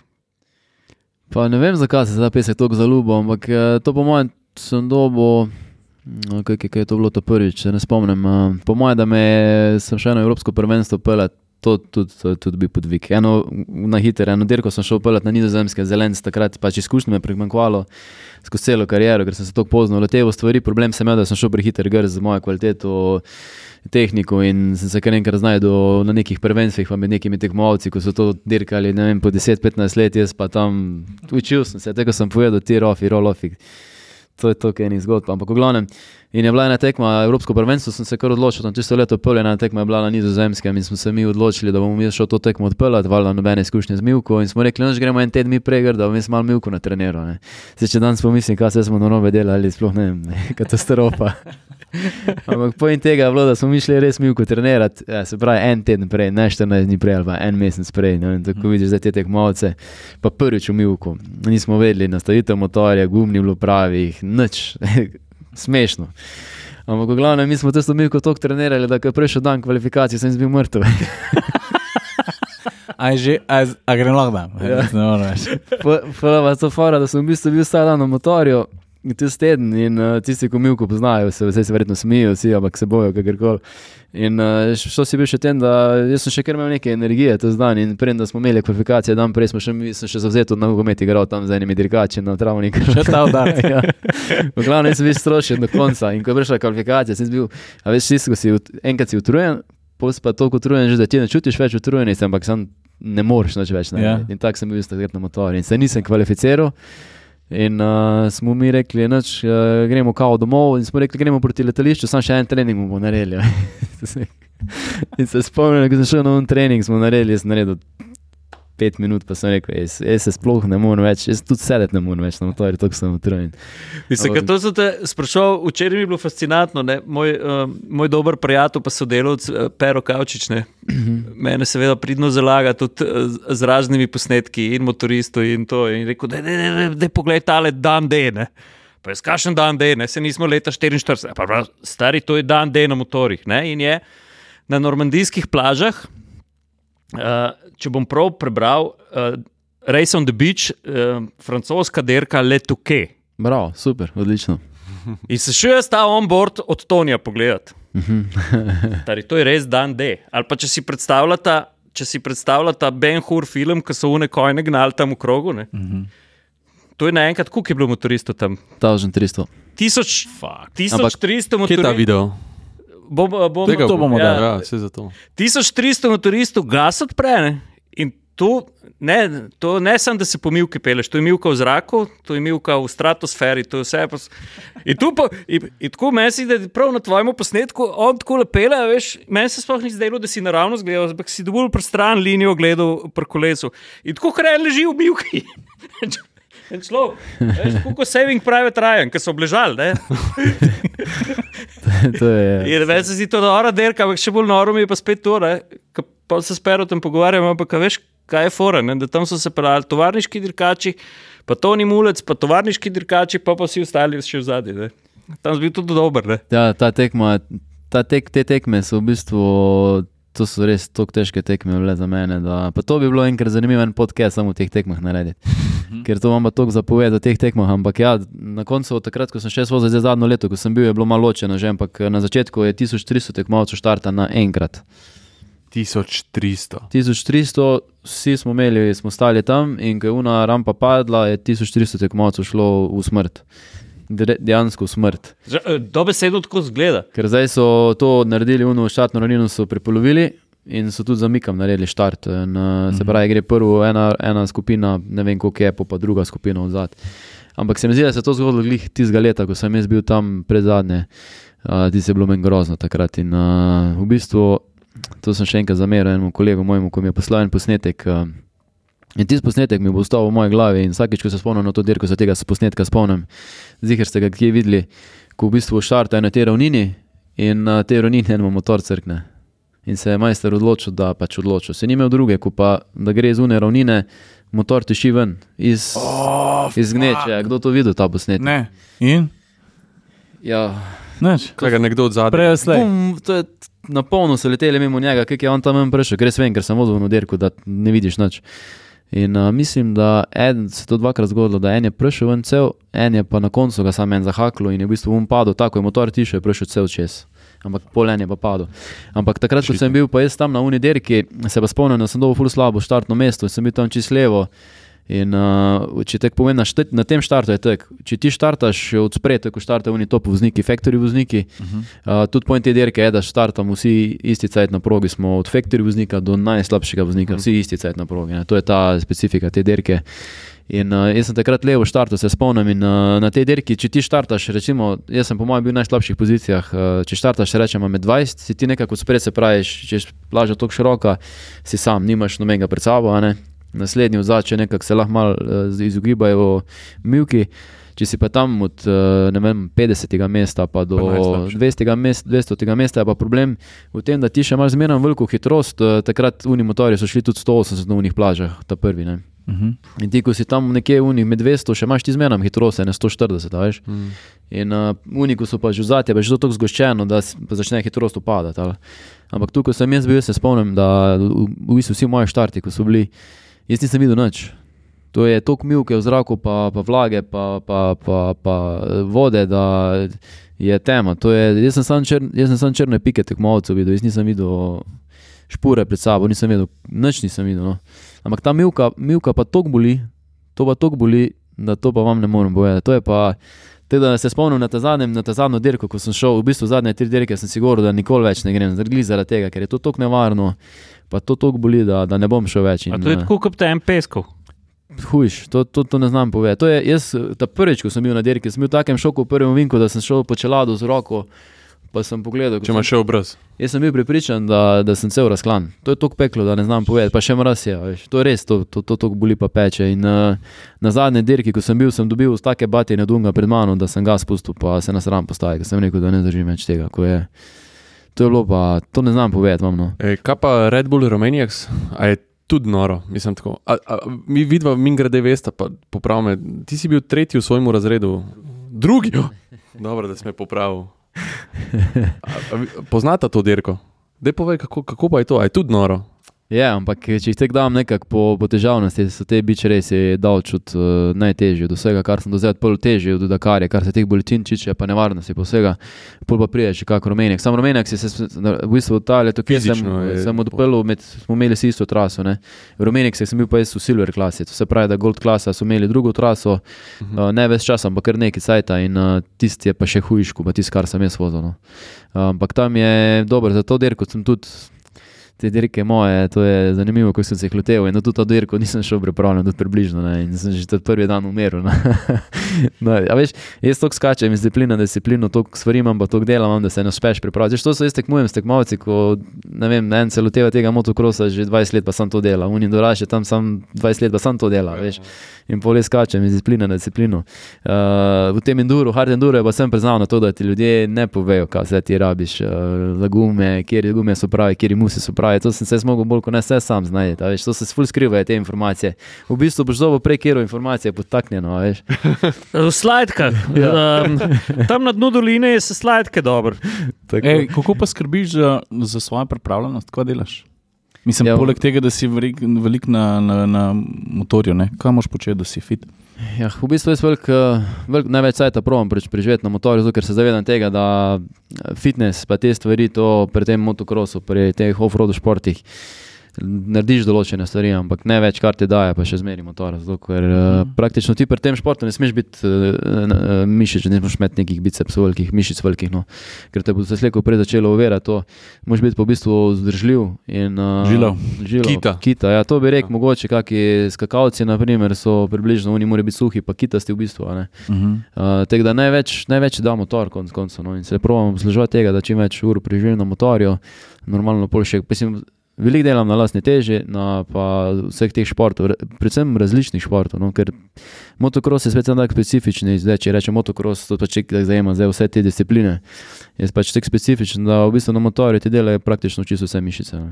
Če to pogledaš, če bi en gledal zdaj motocross zirko, enkrat se en to tega loto, kolikrat ustaneš, pa, pa, pa mhm. se usedeš, to ne en koliko počepov narediš. Eh, v bistvu kor mora delati skozi, zato, ker stabiliziraš vse stvari z nogami, vse mišice praktično. No, ker voziš motor z nogami, predvsem z nogami, uh, pri vseh teh ostalih stvarih še delajo druge stvari, roke, noge. Najmanj v bistvu uh, se trenira roke pri tem športu, tu mogoče je fajn vedeti za te športnike, ki se lotevajo zadaj, ko si mislijo, da premoč krosom moraš imeti, pa moraš biti kita, ne da moraš imeti močne roke. In vsi trenirajo na polno roke in mišice in v bistvu, ko imaš mišice, imaš težavo, da se v bistvu uh, vojnica pol nima več kam, uh, je premala, se, se ne more več razširiti in dobiš ta arm pump, ko, uh, ko imamo pa vsi težave s tem. Ej, kako pa drugače voziš, ki si na cesti, pa normalen promet, motor, pa avto? Kakšen voznik si? Naslednje vprašanje. Kaj v kamionu?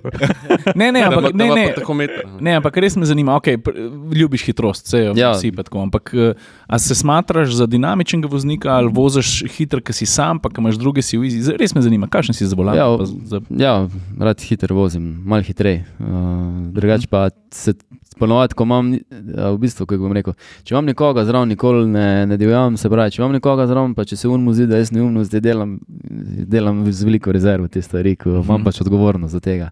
Ker vem, da pač večinoma vozniki, ponovadi tudi na motorjih, je, je to glih kontra. Vsak pol hoče pokazati nekomu, koliko je dober, koliko se, koliko se zna hitro pelati, koliko ta ovinek prepeljem, pol greš čez sebe in pač se dogaja stvari. Jaz pa zmeraj naredim nazaj veliko, veliko procentov, govorimo o par desetih procentah, če imam koga zraven. Večkrat si rečem, to bi šel prehitevati, samo zdaj ne bom. Uh -huh. Pa te kakšna dirka umiri. Mislim, jaz se spomnim sebe, po kakšni dirki sem se ujel, kako vozim 80 za kamionom, pa razmišljam čisto svoje stvari. A te umiri ali, ali si tako ne spidiran, da bi. Ni še tam, ni še tam. To je pa, to pa ne vem, zakaj pač ne vem, tako sem. In v bistvu se včasih, včasih se vprašam, včasih, a veš, greš nekam, pa se ti neka, nek urnik spremeni, ali pa koliko rečeš, preveč pa še eno uro cajt, zdaj pa da gremo v izi. Ne morem. Jaz se bom pelil na polno, pa pa tam vse, da avto ne morem. a si kdaj prehiter letel časovno? Uh, prehiter, uh, ja, valjda, ja. Si, ja. Uf, Marija, tega je. Teda v bistvu, v bistvu je en kolega rekel, Luka je rekel, kako ti lahko sploh derkaš, ne rekel, pa se si nikova. Je rekel, pa se si že glihar derko odpeljal na cesti. Ja. Zakaj ti je ta energija? Uh, uh, veš kaj moramo še, um, vedno me to ferbec smatro, ne? Da ima povejo o tem dakarskem motorju, ne? kaj je specifika, uh, kakšna ima ta tehnika vožnje. Ne? Prej si že omenil tu ne, kompenzacijo moči. Ne? A, a, kako je umrl, kako je bil umehkem, kako moraš kupljengo stiskati, kako moraš navijati. Uh, Kakšen je ta motor? No? Malo ja. mal, uh, anatomije dekarskega motorja. V bistvu tole se mi dobro vprašam, ker malo povedal, če bojo motokrosisti, upam, da poslušajo to oddajo, pa in oraži. Ker sem tudi jaz včasih ocenjeval te voznike, pač ja, kako se ne moreš bolj hitro peljati, kako ne moreš to, pa se jaz bi unga prehito, pa se jaz unga prehito, že ko sem motokros vozil, ne vem, vse te stvari, ne. Ampak ta motor moraš čisto drugače voziti, jaz zmeri pravim, da moram dati drugo glavo gor oziroma druge oči, druge možgane, uh, ker ta motor je toliko težji, uh, toliko drugače se obnaša. In uh, za motokrosiste, tisti, ko mislijo, kako bi oni to le, la, lažje odpeljali boljš. Pri tem motorju je problem, ker je teža in ta motor, ko enkrat začne iti levo, desno, takrat je bolj, da je noče nas modliš, če ga uspeš, pa upaš, da se bo razpletlo, ker tu praktično skoraj ne moreš več kaj rešiti. Uh, in problem je teža pri tem motorju. Naslednja, mislim, da teža tega tek v osnovi že, ampak težava je bolj tudi v tem, ko ti priješ v neutralizacijo. Mislim, težave, ki se dogajajo, je to, da ti ko peleš special, ko se uh, približuješ neutralizaciji, se motor postaje lažji in se ti počutiš na njemu domačen, kot en motokrosist in doraš, se ti to super. Priješ na neutralizacijo, se umiriš, natankaš motor in štartaš z 30 km več, ti si umerjen. In takrat motor nenormalno drugače uh, odreagira. Vse, če si predstavljate, da pri nemenjemi formuli pa pri kjer koli tem avtomobilističnih športih, gramih uh, delajo stvari. Ne? Zdaj pa, če Mhm. ti daš pa 30 kg zraven, pa to konkretna. Pa na razlika. motor, ne. Pa na motor, ja. Amortizacija drugače dela. Ti drugače delaš, zato si utrujen, po mojem si nekaj popil, pojedo, vse telo malo zaposliš in te stvari. In ta teža, bom rekel, je največja razlika med temi motorji. Uh, je dejansko res, da veliko ta motor tudi prenese, amortizacija, same te luknje, te stvari, ko se dogajajo, z enim durum motorjem ali pa skroz motorjem. Vprašanje, če bi preživel, to motor veliko prenese, ampak teža je pa ta stvar. Uh, poleg tega, da ta roadbook, ko ga imaš spred, ta tower, uh, za, ne vem, mogoče za nas motokrosiste in doraše je to največja razlika, tudi zato, ker mi smo navajeni neki spred med. Zdaj, en če prije iz cestnih motorjev, pa tega malo lažje, ker je navajen tistega vizerja, števca, vseh teh stvari, ki jih imaš v spredju. Teda to je tudi ena izmed stvari, ko je, ko je drugače od ostalega motorja, pa tudi daje neko težo in teža je tudi druge, ni tam, ko smo mi navajeni. no. Ja, ogromno nekih specifik. Vse pri avtih je isto, ne se Loeb pa Sainz sta dokazala vsem, da, da sta top farerja, sta osvojila vse, kar so osvojili dane, pa, pa Mhm. prijeta na, na Dakar, pa se najde tam neka rabska, ki jo popeče. Ne, tako. Mhm. Ja, to je zanimivo. Ja. Pač on je dober v sepinah, on je Ja. tudi ja. tam, da ja. ja. jih šola. Ej, kako pa izgleda ta empty quarter? A To je te, ta morje Sipin v Saudski Arabiji. To je, to je, to je verjetno tak zelo impozanten prizor, ko se pripelješ tja. ne? Ja, v bistvu se voziš, jaz sem se vozil 150 km, smo imeli takrat transferja do štarta in nisem videl nič razen tistih naftnih pločadi, ki jih imajo, ampak ne vidiš nobene, nobene hiš, nič ne vidiš, no, nobenega ne srečaš, srečaš par kamionov na cesti, to je to. In v bistvu, pol, ko sem jaz en že bil v tem quarter, sem začel razmišljati, zakaj zdaj ne vidim helikopterja, veš, ker vsako, vsako etapo so v bistvu bili helikopterji skozi nad nami, so nas snemali in sem pol začel razmišljati, da mi smo to globoko že noter, da v bistvu, če se ti kaj zgodi, oni na koncu malo šparajo z gorivom, pa z, z prevoz, Ja, pa prevoznimi sredstvi. Pa niso zraven letali. Ja, ker v bistvu tisto je rabo, je mogel pač helikopter ja preleteti. Ker to sem videl v teh etapah, ko smo vozili, so se vozili skozi kamione z, z gorivom okrog in so helikopterji pristajali tam ali šli nazaj noter. Ne. Le, pa In- ni šanse. Ne? ne, to si pa to globoko noter in uh, to je nekaj veličastnega, de, definitivno. Ti si nekje noter v enih sepinah, pač, čeprav se včasih sprašujem, včasih pa srečaš koga noter. In srečaš kar neke ceste.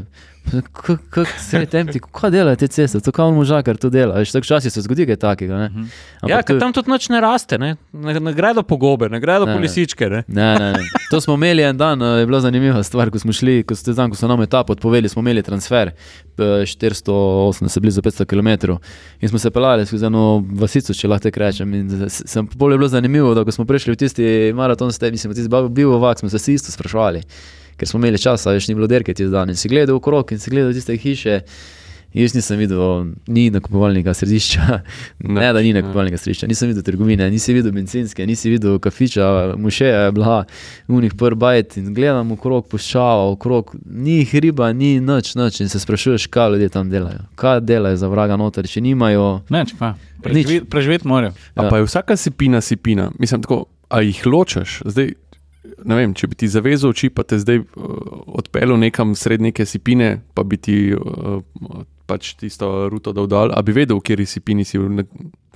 Misliš po, po, Ja, po, po značilnostih si ja, značilnost sipina. A, a bi rekel, ok, zdaj sem nekje blizu Dubaja, v Maroku, v Saudski Arabiji, a bi vedel, kje si. Uh, ne, sej, da, da sem slab v sipinah, sem že povedal, par zgodb. Tako da sipinami se res nisem domač. Ja. Daj še enkrat povej, kako je to. Eh, Lej, jaz sem šel skozi sam Dakar, če grem, uh, sem imel čist tri različne podlage, popolnoma pa štiri različne sepine, tako da ne bi, ne bi se, ne bi se znašel, mislim, ne bi rekel, ta sepina od tu. Poleg tega, da ja, premalo imam izkušenj s tem, tudi ko testiram, v sepinah smo malo da. In uh, premalo, ma, premalo, definitivno premalo izkušenj in uh, tudi ne znam sepin brati, sem ugotovil. Pač, eno je, če se ti voziš skozi sepine, eno pa če tekmuješ, veš, to je full velika razlika in drugače spremljaš stvari in uh, ne, ne bi vedel. Pa misliš, oziroma verjameš, sorry. Reda, jaz skozi. Ne gledaj. Dvigan roko. Ja, Zdaj si naučil. Kar nekaj prepočasi štartaš v tem Ja, ja, podkastu. Treba imamo štarter. Malo me lulat, pa za, za, za malo vprašanje. lega. Si videl, A, to pa razumem, kaj če te Ma- lula, pa Imam boš lega, ja. Vprašaj, Saša, daj. Ajde, pustim ti. Ne, pa bo šlo čisto drugo smer. Ne, hočem te vprašati, če verjameš, če misliš, ali pa če verjameš, da bo kdaj kakšen slovenc zmagal Dakar. Ja, vala, da je možno, vse, vse je možno. Jaz sem včasih tudi mislil, da je na motokrosu noben zmagal. Pa nisem si mislil, da bi, da govorimo o zmagi, ne? da bi pa kdo zmagal svetovno prvenstvo. Ja. To je, to je bilo, ah, kje ni šans. Da pa kdo zmagal petkrat svetovno prvenstvo. to je pa, to je nekaj nepredstavljivega. Mislim, za Dakar, ja, vala, da se, da se da. A veš, uh, pred Dakarjem je, je tudi veliko odvisno od sreče. Ker v bistvu obstaja en račun, koliko imaš možnosti, je zelo nizek, uh, da sploh Dakar preživiš, Aha. koliko jih uh, zaključi Dakar. Uh, in uh, lej, če, včasih se zgodi, da če si sam dosti kon- konstanten, pa da imaš neko približno hitrost, la, da se v bistvu mi so mi tu vsi skozi govorili, da se favoriti sami izločajo. Mhm. In se da zgodi, da pač boš prišel enkrat do, do tega, da bi lahko bil. Ampak se pravi, z neki srečo se da.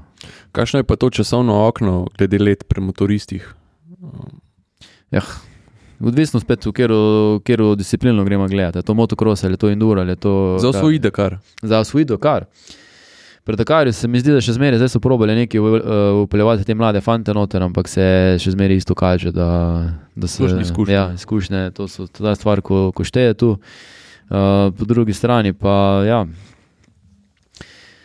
da se, da se težko je, težko je po mojem tudi, koliko ceta se s tem ukvarjaš. To je meni Valkner enkrat dobro povedal, ko sem jaz njemu razlagal te moje kompresije pa sipine. Mm. Pa je rekel, le, če ne boš pazil na te stvari, eh, ne boš več dolgo vozil motorja. Ker pač ti, vse tako, naprimer, se je meni isto zgodilo, jaz se nisem polomil, ampak moje telo je pa utrpelo dokaj enih udarcev Udarcu. no. za sklepe, pa za te stvari. tako Da, To so vse nabirane. to je vse, ja, odvisno.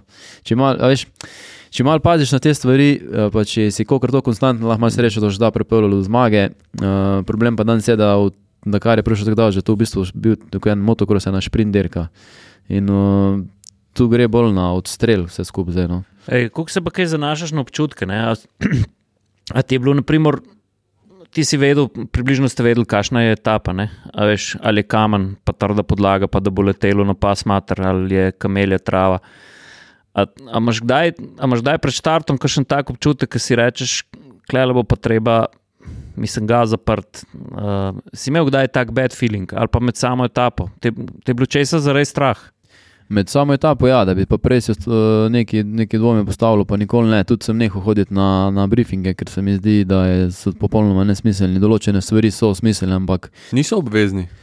Uh, ta prvi je obvezen, se mi zdi, uh, mogoče še drugi, pol pa Mhm. tako vse gre do da. Ampak niso več pol obvezni. Ta prvi se moraš podpisati, uh, da A, si bil okej. tam. Ampak, Kaj na vajah, na faksu? ja, ampak jaz ne čutim razlike med unim prvim in med unim. Mogoče zdaj, če so res kakšni ruki, tam sicer sem jaz bil med ruki, ampak uh, da bi, da bi ti nekdo ne vem, neke kao pomembne stvari, ampak jaz nisem. Niso bile neke značilnosti točno tiste etape, da bi, da bi kaj izpostavili. Recimo, kakšno sipino, ki lahko ful padeš eh, noter v luknjo. Ne. V bistvu oni zmeri neki, se mi zdi, da, da ti hočejo nekaj zapakirati, veš. In, Te upočasniti. Ja, včasih ti začneš razmišljati, ko jaz, jaz sem eh, en, enkrat razmišljal, pa sem v bistvu bilo tako uniti, včasih povejo na tem kilometru pazi, na unu, na unu pazi, na unu pazi, ne, povejo, kao, a veš. Mhm. In en dan un meni reče, en tekmovalec, ja, ko sem jaz rekel, da ne hodim na briefing, reče, ja, kaj pa te nevarnosti, pa to sem rekel. To je vse nevarno. Ja, sem Ja. se samo obremenjujem, pol ko prijem un kilometr, pa gledam, kje je uno nevarnost. No, veš, da je vodu. Ja, Ja. veš, ker to je bila fora pri tej sepini, ko sem jaz noter v njo padel, je bila na šestem kilometru, Ja. ni bilo nobene nevarnosti, drugače imaš označene nevarnosti. Aha. Na 8 km je bila pa označena nevarnost. In ko sem prišel na 8 km, sem jaz gledal okrog, kje je ta nevarnost. Pussy smoke. In jaz, okay. jaz se to tako rečem, ne bom se ne bremenujem se s temi stvarmi in grem in v bistvu, ker tako ali tako v vsakem primeru jaz kot vozim zmeri, uh, berem teren sproti. Mhm. In se obremenjujem s tem, kar mi prihaja izpred oči, ne, kaj bi naj bilo tam nekje. Stop, ti od. Roko gor. Ne, prej smo se malo dotaknili izjemnih uspehov, pa izjemnih posameznikov, pa petkratnih prvakov. Pa tako. a ti, ki si gor rasel, ali pa mogoče celo zdaj, a si imel kakšnega ozornika ali pa nekoga, ki si rekel, fuck, kjer model je pa ta. Ali pa, ne, Ja. V bistvu, ja, tisti je bil James Stewart v motokrosu, predvsem James Stewart uh, v, iz Amerike. On je bil glih tako, je skrabo pa vipo, to mi je bil dol tak. In njegov način vožnje je bil, ja, ful me je privlačil, pa tudi on kot oseba. Uh, Črn se ne ga poznate. Poglejte si malo njemu zdaj neho dirkat. Uh, in uh, on je bil eden med takih, uh, tu v Sloveniji sem zmeri, Roman Jelen je bil uh, mi zelo všeč kot na motorju Mhm, Poznam. takrat. In on je imel dober stil, pa tudi uh, kot oseba, on je dober človek. In, uh, uh Mhm. -huh. tudi pol, mislim, da smo dobra kolega, ampak takrat sem ga gledal tako in ga boga. Mhm. Uh, in uh, on je bil en tistih, tudi izmed mojih zvornikov. Uh, pol pa valjda, kar se teh ostalih disciplin tiče, pa so bili pa čisto drugačni pogledi in nisem več. Ej, a ni Stewart odpeljal eno legendarno dirko, ki je vse na šopu v eni dirki, zadnjega mesta ali nekaj takega? Uh, jaz ali on. Ne, ne, Stewart. Stewart, Stewart, ja, ja, ja, to je ta, ta dirka. Ja, Ja, ja, ja, to, to, to, To, lahko- v, to, v tej dirki vsi govorijo, uh, kaj je bilo, vse je na, vse je na mahu v, v šusu, kaj je bilo. Un, to lahko pogledam stokrat, če pa še zmeraj bom z užitkom gledal. On je padel na štartu, Uh -huh. nekaj se je zapletel in padel Mm, na štartu. ja. Kakšni dirki govorimo? Motocross. Motocross. Motocross, Motocross. Pa taka je bila bolj milkasta. Za, američani za to progo govorijo, da je milka, da je Mhm. ista kot v Evropi, pa nima nobene veze. Oni imajo tam trde podlage, če temu tako rečemo. Uh ne. -huh. Ampak na uni deriki, še ta drugega, ko ga je prehitil, izgleda tako, da je prehitil enega iz, na desetem mestu. tako je to bilo. Ja, to je legendarna dirka, o kateri vsi govorijo, in je še zdaj v prenosih, sem pa tja ja, izpostavil. ja. ne. Pa na 125 motorjev je bil on takrat. Ja, ja. Uni pa mislim, da je že bilo takrat kar nekaj voznikov na 254, tako se mi zdi. Mislim, da se tako je bil drugi. da je bil- 125 začne. Zato sem, jaz, zato sem jaz na mojih huskvarnicah. Ej, ja, veš, kaj, veš, kje sem pa jaz vedel za to dirko? No? Ker sem gledal zadnjič en uh, dokumentarc, ki sem ga tudi vama poslal. Um, folk zapišite si, ali pa pogledajte, pa bo dal med linke. Ne vem, če si videl uh, Jeffrey Hurlings uh, versus Eli Tomak.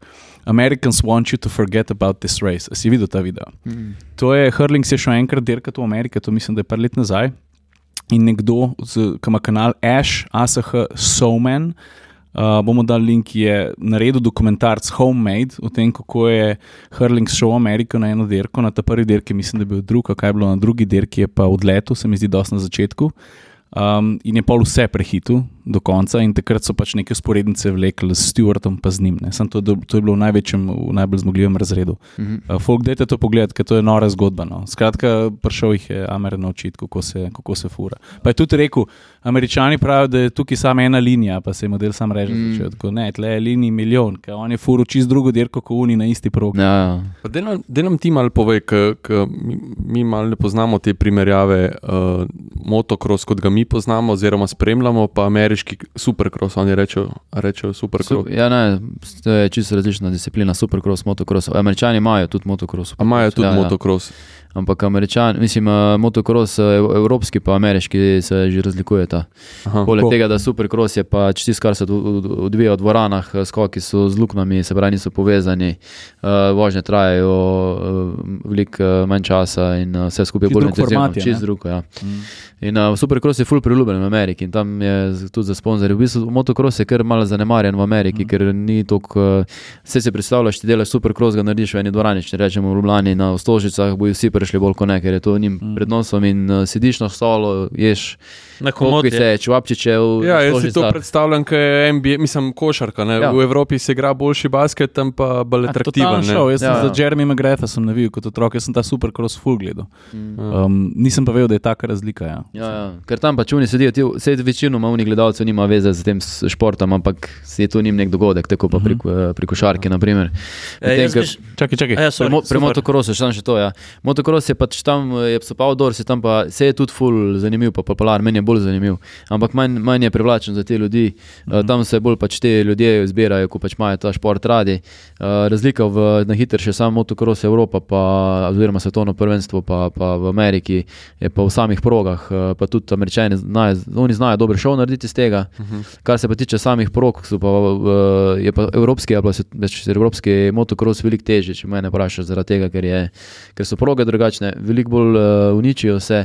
Uh, mi imamo trde špore, imamo trde luknje in američani, kar so hodili naprimer, na ta pokal narodov v Evropi, dirkat, uh, niso mogli tu nikoli dirkati, so govorili, da toliko težkih prog še niso vozili, ko so jih vozili pa v Evropi. To je pa on po šolo, jih tja, pa, ja, pa šel, ja. ker so oni govorili, da je just one line. Ja, pomotko stari. To me zanima, čist po tvoje, kdo bi rabu daljše privajanje nek top, super, uh, supercross uh, farer ali pa Tim Geiser, če gre zdaj voziti supercross.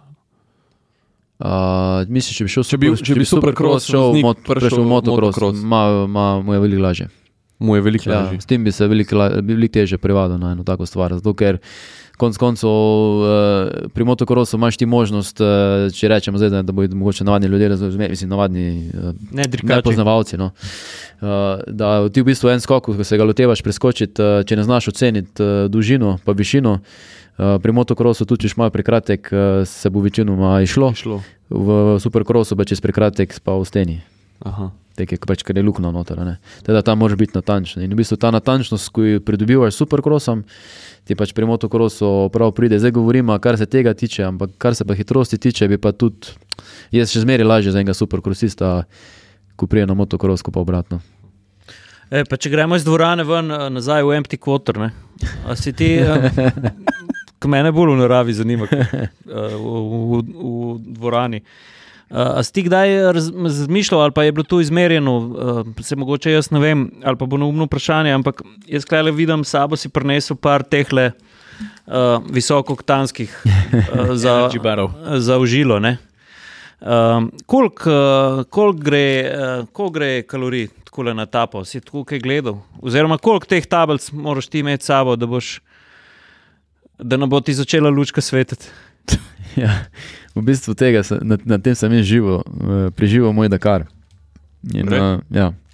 Zato, ker tam hrana, ti sem že večkrat povedal, tam, v bistvu sem krompirja, že toliko povedal, da, da je noro. Naslednja stvar so bile pa, so bile pa te čokoladice. In v bistvu Uh, te čokoladice so bile ponavadi uh, za vzdržljivost ugljikovih hidratov. To sem ponavadi jedel pred štartom ali pa tudi malo med samim štartom. Uh, proteinska čokoladica sem pa ponavadi, zdaj, če se z motorji vozite, pol veste, kako to zgleda. Sem, ker sem nisem želel ustavljati, ker sem vedel, da imam še zmeri 200-300 km za prevoz, sem si kar v bistvu odprl med vožnjo, ker sem si tempomat naredil na motorju.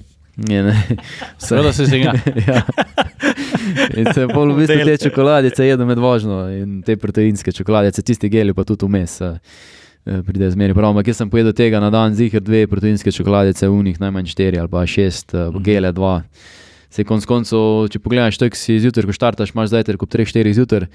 Uh, pol naslednji, zdaj, mislim, naslednji obrok ti je pa konc koncev, če imaš srečo, ga v cilju dobiš, če ne pa, ko priješ v bivak, to je pa.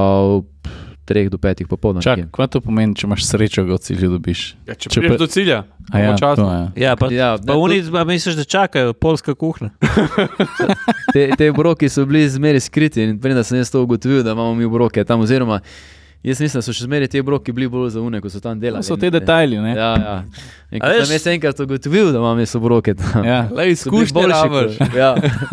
Ti obroki so bili definitivno boljši, kot pa bil ovako. Nekaj krat tam ostal, zdaj pa če si bil pa prepozen, po njih ni bilo več. Ampak e, čakaj, se prkatemu te dobro poznajo. Če bi pa mal njim zavil noter, kaj bi bilo? Uh, v bistvu imajo oni svojega kuharja, pa tudi sam za tekmovalce, oni, ko so zaposleni tam, pa to hodijo zmeri v Zemlji. Če njih testiramo, to je, pa mu pa, pa, mu pa ne dajo za jed. Najde kar na dolenskem naredijo, no noben lačen ne žeje. Točno to. A, da vest. Ja, kva? Ja, kaj smo reži na koncu, lahko še kaj vprašamo. Ja, Vprašaj, zato smo tukaj. Sam, kam gremo zdaj? Zdaj sem jaz dal telefon tiho, zdaj, ja. ne, vem, koliko, ne vem, koliko je ura, kdo me rabi. Zdaj sam vprašaj, ja, Krapovič je klical, pa KTM. pa KTM. Naj se v vrsto postavijo. mogoče bo zdaj cena zrasla, ker reke, zdaj pa, me, zdaj pa nas ne je več, bo, mogoče moramo v kaj več plačati za to. ne, imam pa zdaj eno čist prometno. Pač, ti si motorist, da motorist. Uh, lej, zdaj pa iz, iz, um, z, uh, iz svojega, Da je že, no.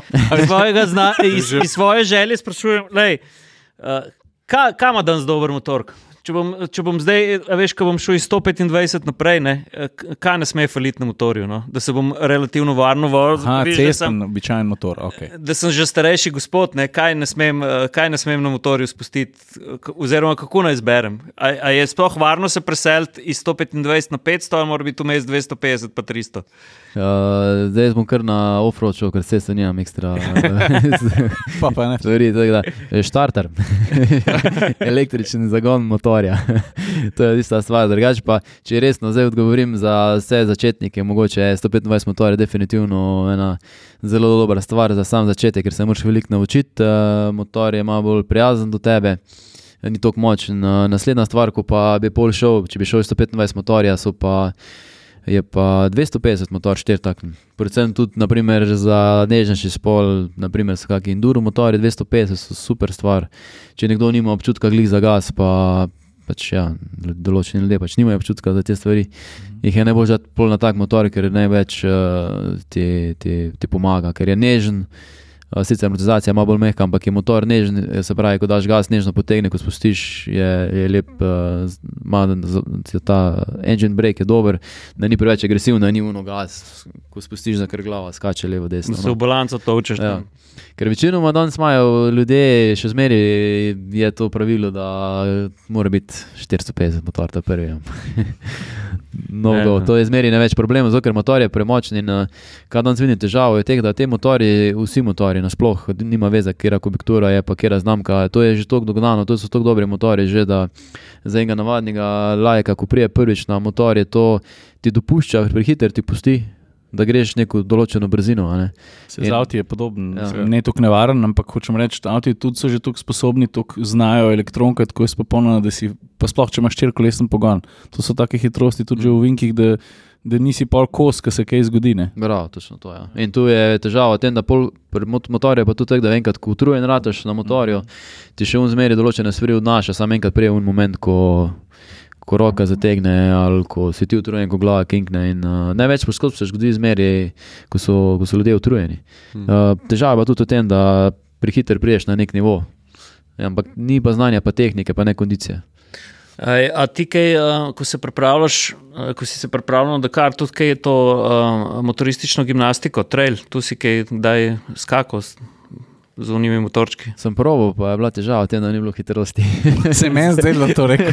Nisem se navrčil tega in sem rekel, ni to za mene. In nisem se bolj nikoli več tega loteval. Vse verjamem, da se pri vsaki stvari isto da je enako. Da pač, če ti nekaj usvojiš, neka določene znanja, je verjetno zanimivo, ampak jaz sem se s tem ukvarjal. Pa še to sem probal v poletnem času, ko je bilo vroče in sem rekel, kje je ta motor, grem jaz na motor, da dam gas. Ej, uh, on ni Toni Mulec, on je hitri Toni.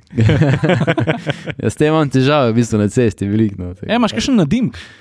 uh, ne, Krapovič mi je nadel dekit, ja, pač tudi okay. zaradi Oh, tega. a, to je Kapetanovič rekel, preden si noter prišel. Ampak nisem vedel. Toni Mulec, Toni, Toni Tony the Kid. A res je, ga. Ja, presežem, da Ja. nisem vedel. Za... Ja. Ja, ja, predvsem zaradi te moje narave, pa tudi zaradi primka. Ne. Ne, ampak vse je v redu, super, da boš ne more biti. Ej, uh, a s, zdaj smo konec januarja. A se je projekt Tony Mulec Dakar 2023-2024 že začel? Uh, Ti v imaš še, bistvu- ti imaš še pesek, imaš v šestih, po moje. Ja, A se je že začel? V bistvu tega peska na teh uh, bič resih pa trikrat več. Tu sploh nimaš toliko velikega tega peska posebej. Ampak uh, jaz, ko sem šel že na Dakar, uh, sem rekel, kolegu Janu, sem rekel, hej, pač nekaj smo se menili, sem rekel, ška, pum, kaka, sem rekel, le, moj Dakar 2024 začne pa 16. januarja. No, evo, ja. Da v bistvu, že ko sem tam bil, sem veliko o tem razmišljal, že ta Dakar sem tako doživljal. In tudi tisti dan, ko sem imel težave s tem radiatorjem, polis nisem več sploh rezultatov nikoli več spremljal. Ej, dajmo se mi zdaj tle nekaj zmed, da ko bo, ko boš ti v taki fazi, da, da boš res aktivno spet čisto v projektu, pa, pa ko boš okrog hodil, da se še enkrat ustavil pri nas, da, da še en pogovor naredimo takrat. Mm Mhm. Pa ko ima na levi strani polovarja, ima še full placa za kakšen Ja, napis. pa mi bi dali še, še tistih par gramov v un 100 kilski nahrbnik, Ja. ja. ki ga boš nosil na naslednjem Dakarju. No? Ja, ja, v bistvu to bi pa z veseljem, čeprav te stvari mi ne grejo od rok. Ampak Ja, eh, ko- konc koncev imam težave s tem, da Uh, v bistvu se moram lotiti, oziroma želim se lotiti tega projekta, svetovnega projekta Aurelio in to je konec februarja, uh -huh. tako da to je zdaj. Uh -huh. Tako da v bistvu že v vseh teh stvareh, ko jih zdaj delam, že bom rekel, sedaj bolj intenzivno delam na, na, na zbiranju finančnih sredstev za, za samo prvenstvo. In tudi pol normalno te potegne enkrat v Dakar 2024, uh, to bo nek skupni projekt. Ja. Ampak tega se moram zdaj zelo previdno lotiti, zato ker je v bistvu to ena velika finančna zadeva, spet za ta svetovni, svetovno prvenstvo. In tu sem zdaj spet malo v teh dilemah, če bi rekel, želim si tega iti, ne? ampak problem je ten, da tudi se ti zna zgoditi, da boš pač porabil neke finance, že prej, da šloh na Dakar, prejši in ti las manjka, pol tudi sam za sam Dakar. Ja. In tu sem zdaj pa spet imam. To psihično borbo. Kje je porabiti? ja, it, ne, veš, ta prva dirka je že konec februarja, tudi zdaj snimam cajt, da bi rekel, ok, zdaj pa je sto par stvari prispal, pa malo pretehtu, pa mogoče sezono malo zmeno. Uh, nimam cajt za to, niti, mislim, težko je tudi za sponzorje. Sponzorji je normalno, da so vsi zaposleni z svojimi stvarmi in se je ful težko dogovarjati za termine. Poleg tega, da tudi jaz nisem glih več čas. E, a, a obstaja nek splošen crowdfunding uh, link, kako koli, ali, To sem jaz hotel reči, ja. ali, ali je to neka stvar, da se, da se te pokliče pa, pa vpraša? Ja, kako sploh do tebe pridejo ljudje? Oziroma, kaj je najboljši način, da te dobijo na telefon ali pa na mail? E, V bistvu sem zdaj te stvari, kot sem prej omenil, na začetku probo to narediti, da pač tisko čuti, da to naredi in sem probo to nekako najbolj ljudem uh, pripeljati blizu vse stvari. Pa sem pol videl, da so ljudje imeli kar težave s to stranjo, spletno stran Google Founding sem naredil in uh, to je tuja stran in uh, tam je treba dati kreditno kartico, je treba Mhm. neke podatke dati in so bili ljudje full skeptični, Mhm. kam ta denar sploh gre, ali bom jaz ta denar dobo ali ne, ali ne vem. Normalno unimi vzamejo procente, tudi to so me spraševali, normalno ta stran ni za ston. Uh, to je, da v bistvu glede te strani, ta stran bom jaz zdaj, ampak ni- nisem še vtegnil, ampak bom verjetno probo kar adaptirati to stran Uh -huh. in se bo dalo prek te strani zbirati še naprej, donirati eh, zneske, ker v bistvu ta stran se mi zdi super, glede zaradi tega, ok, se se nekaj denarja zgubi, ampak eh, si lahko anonim, uh, imensko, lahko daš sam imela, da sem primek, lahko daš nickname. Lahko si popolnoma eh, anonim uh, znesek, je, ni, mislim, da je en evro, možno najmanj dati. Uh -huh. Se pravi, da ni nič pogojeno zneski, ni pred- predeljnice 20, 50, 100, 200. Uh, poleg tega, da tudi lahko te zneske na koncu skriješ, lahko daš komentar. Uh, edina stvar, ko je, ko bi to povedal, da ko sem videl, da so mi tam ljudje kar veliko komentirali, jaz ne morem komentirati nazaj. Tako Da to, če ne odgovorim, to ne pomeni, zdaj, da sem. E, pa je, e, kako pa je spletna stran, je kako? Go get founding napišeš uh, in uh, v bistvu, ko priješ na stran, je, v bistvu je čisto enostavna zadeva. V bistvu imaš tam po listu, tako bi rekel, Google Search, ko imaš Aha, ti in zdaj tebe najdeš. Sam napišeš Tony Mulec in prideš do Se mi bomo to linkali tako. Ja, Ja. plus, kakšen Instagram imaš, verjetno. ali pa kaj? Ja, prek Instagrama, Facebooka se Super. je to promoviralo, poleg tega se še majice prodajajo. Uh -huh. Uh, sicer se bo tudi verjetno še kaj na novo naredilo, tako smo prej omenili že. Uh, in uh, tudi na koncu koncev, za, bom rekel, zdaj, če gremo čisto na najbolj enostavne stvari, mislim, enostavne, za nikoga najbolj varne ali najbolj dostopne, pa to še zmeri, da se uh, moj, jaz imam svoj klub, uh, se pravi, da ti znar gre tudi direkt vse meni, da ne gre drugim osebam, uh, se lahko tam donira in se ta uh, račun je v bistvu objavljen posod. In uh, sam podatke pišeš, narediš transakcijo. Uh, najlepše, če se napiše zraven donacija, da se ve, zakaj se gre za te Mhm. naše davčne organe, ker so še me uni pol odzad, koriti točejo. Mm. In uh, te stvari, pa uh, veliko stvari pa tudi meni osebno denar prenese. No. Super, jaz upam, da smo vsaj na en majhen način tudi mi pomagali zdaj. Ja. Upam. Pa dajmo, Res bom danes popoldne pomagal, še malo. no, vidiš. Jaz sem hvaležen za vsak evro, tudi čeprav včasih mi je res težko ta narediti. In ko mi kdo tako reče, jaz, jaz Ja, lej, jaz, zamrznem, po domače povedano. lej, jaz vem, da jaz osebno Dakarja ne bom nikoli prevozil. To mi je zdaj že jasno pri teh letih. Pa Dolani je še upal, zdaj Pa, pa, pri- pa pri teh six-packih. ne. A Veš, ampak, lej, mi je pa, iskreno ti povem, pa izjemno uživam, da, da spoznam tazga človeka, ko si ti užival, pa vidim, da imaš to iskro v očeh, pa že si ti narejen za to. Tako kot sem, Ja. ko je Ciril narejen za komotar minuto, tako kot sem jaz narejen za zgodbe pisati, tako kot je Saša narejen za mnogo stvari, razen za basket, ne, ker ima. Zdaj le si ga pa ga, zdaj le imaš. A zdaj si še ti začel. Zdaj si Prej on pa- govoril o Janu, svojemu, kaj je, Kjer? Un, ki ima uh, Ko ima šibke kosti. šibke kosti. obtožil. A ja, Jure. Ne, Saša nima šibke kosti, on ima Zdaj pa še sam- ti, zdaj pa še ti. On rab sem nove kugelagerje v kolenih, to je Ja, to. Je, okay, ko si- jaz sem zmeraj rad košarko igral, sem za danem pa zelo slabo. Se jaz tudi. Smo- Ej, Razumem. Toni, hvala, ker si vletel. Čakaj, čakaj, čakaj. A, ej, ja, gor. se res. Roka gor. Atmosfersko vprašanje. Vprost, vprost. Ampak tle moramo dva postaviti. Ja, ja, Ja. Kar daj ti. Kjer je bil tvoj prvi avto? to bi tudi bil en podcast o tem. Ja. Uh, se nekako boho, poznate boho. Ja, Ja, Pol, ja. polski Fiat, pič poki. Ja, Pejček. To smo mi, pa to je. peglezen. Ajde, vse lahko povemo. No. Valjda. Nismo imeli spita, vada, ne, ne vem, koliko smo bili tu stari, 10 let, 12, 13, 14, 15, ne vem. Se ne more biti drugače. To, to, to smo se šli kupiti te avte, tu smo šli sami, mulci si kupiti te avte. In uh, v bistvu smo prvo imeli samo enega, po, pa kar enkrat mislim, da so bili štirje, pa mi smo bili štirje. Tovarniška ekipa. Ampak s temi avti smo se mi ganjali, res se še danes sprašujem, kdo da se ni meni nič naredilo, ampak te avti valjda imajo za, pogon v zadnji. Ja. Ampak nismo s temi avti, Ken Blok nima za burek. to smo Ja, A skozi. pa motor? Uh, motor pa tudi APN, APN 6. je bil. APN. APN 6, štirka, mi smo takrat govorili. Ampak s temi pičpoki smo se pa si zvrnili, ja. to smo pa bili, Seveda. to je pa šlo okrog. Ampak te APN-i, to smo pa tudi, uh, to smo skozi frizirali, bati, von cilindre, brusli, ja. dize, grdo. APN 6, ja. Full lover. Prvi kros motor je bil pa Kawasaki. Ja, to je to. Jaz nečeš ne upam reči, da bom spet kaj narobe naredil. Tako da daj si Saša zaključi. Ne, mislim, se nimam kje zaključiti. Toni, ful ti hvala, za, da si nas prišel, da si prišel k nam v Brlog, pa da si povedal svojo zgodbo. Ja, hvala vam za povabilo. Uh, pa upam, da še, tako smo rekli, naredimo še eno oddajo. Obvezno. Itak je toliko stvari, za, bi bilo zapovedati za vsako stvar. Da, Ja. Ej, pa pa, ko boš zmagal, da kar bi te pa prosil, če lahko enkrat naredimo podcast, pa tam v cilju.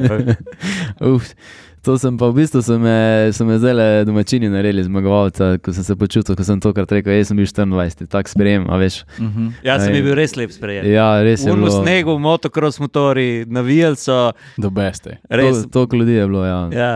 Polno vse in sem rekel, jaz sem bil 24, ampak sem bolj šel gledati moje kolege, oni so bili, ne vem, tretji, četrti, peti, niso imeli tega sprejema. in to sem se res dobro počutil, da na tak način sem bil že zmagovalec, ampak zmaga Dakarja pa mora biti pa toliko stvari poklopljenih, da... Jaz verjamem, kaj. Jaz Jaz tudi. tudi. To so te stvari, v bistvu, ko, ko je težko govoriti tudi o tem, o teh rezultatih. a ne. Ker v bistvu, da Dakarju ti lahko eh, imaš perfekten dan, naslednji dan si pa lahko že na drugem kilometru avt. Naprimer, Sam Sunderland je bil svetovni, mislim, je zmagal Dakar dvakrat in je letos v prvem dnevu na 40 km se poškodoval po odstopu. Ja, vse to so te zgodbe. Ne? Hm? Teda tu ta Dakar je ful težko govoriti o rezultatih. Pa... No, se vse. Mi vse upamo. Hej, hvala. Verjamem. Jaz verjamem. Jaz verjamem. Ej, Toni, hvala. hvala vam za vse. Ej, lepo bo.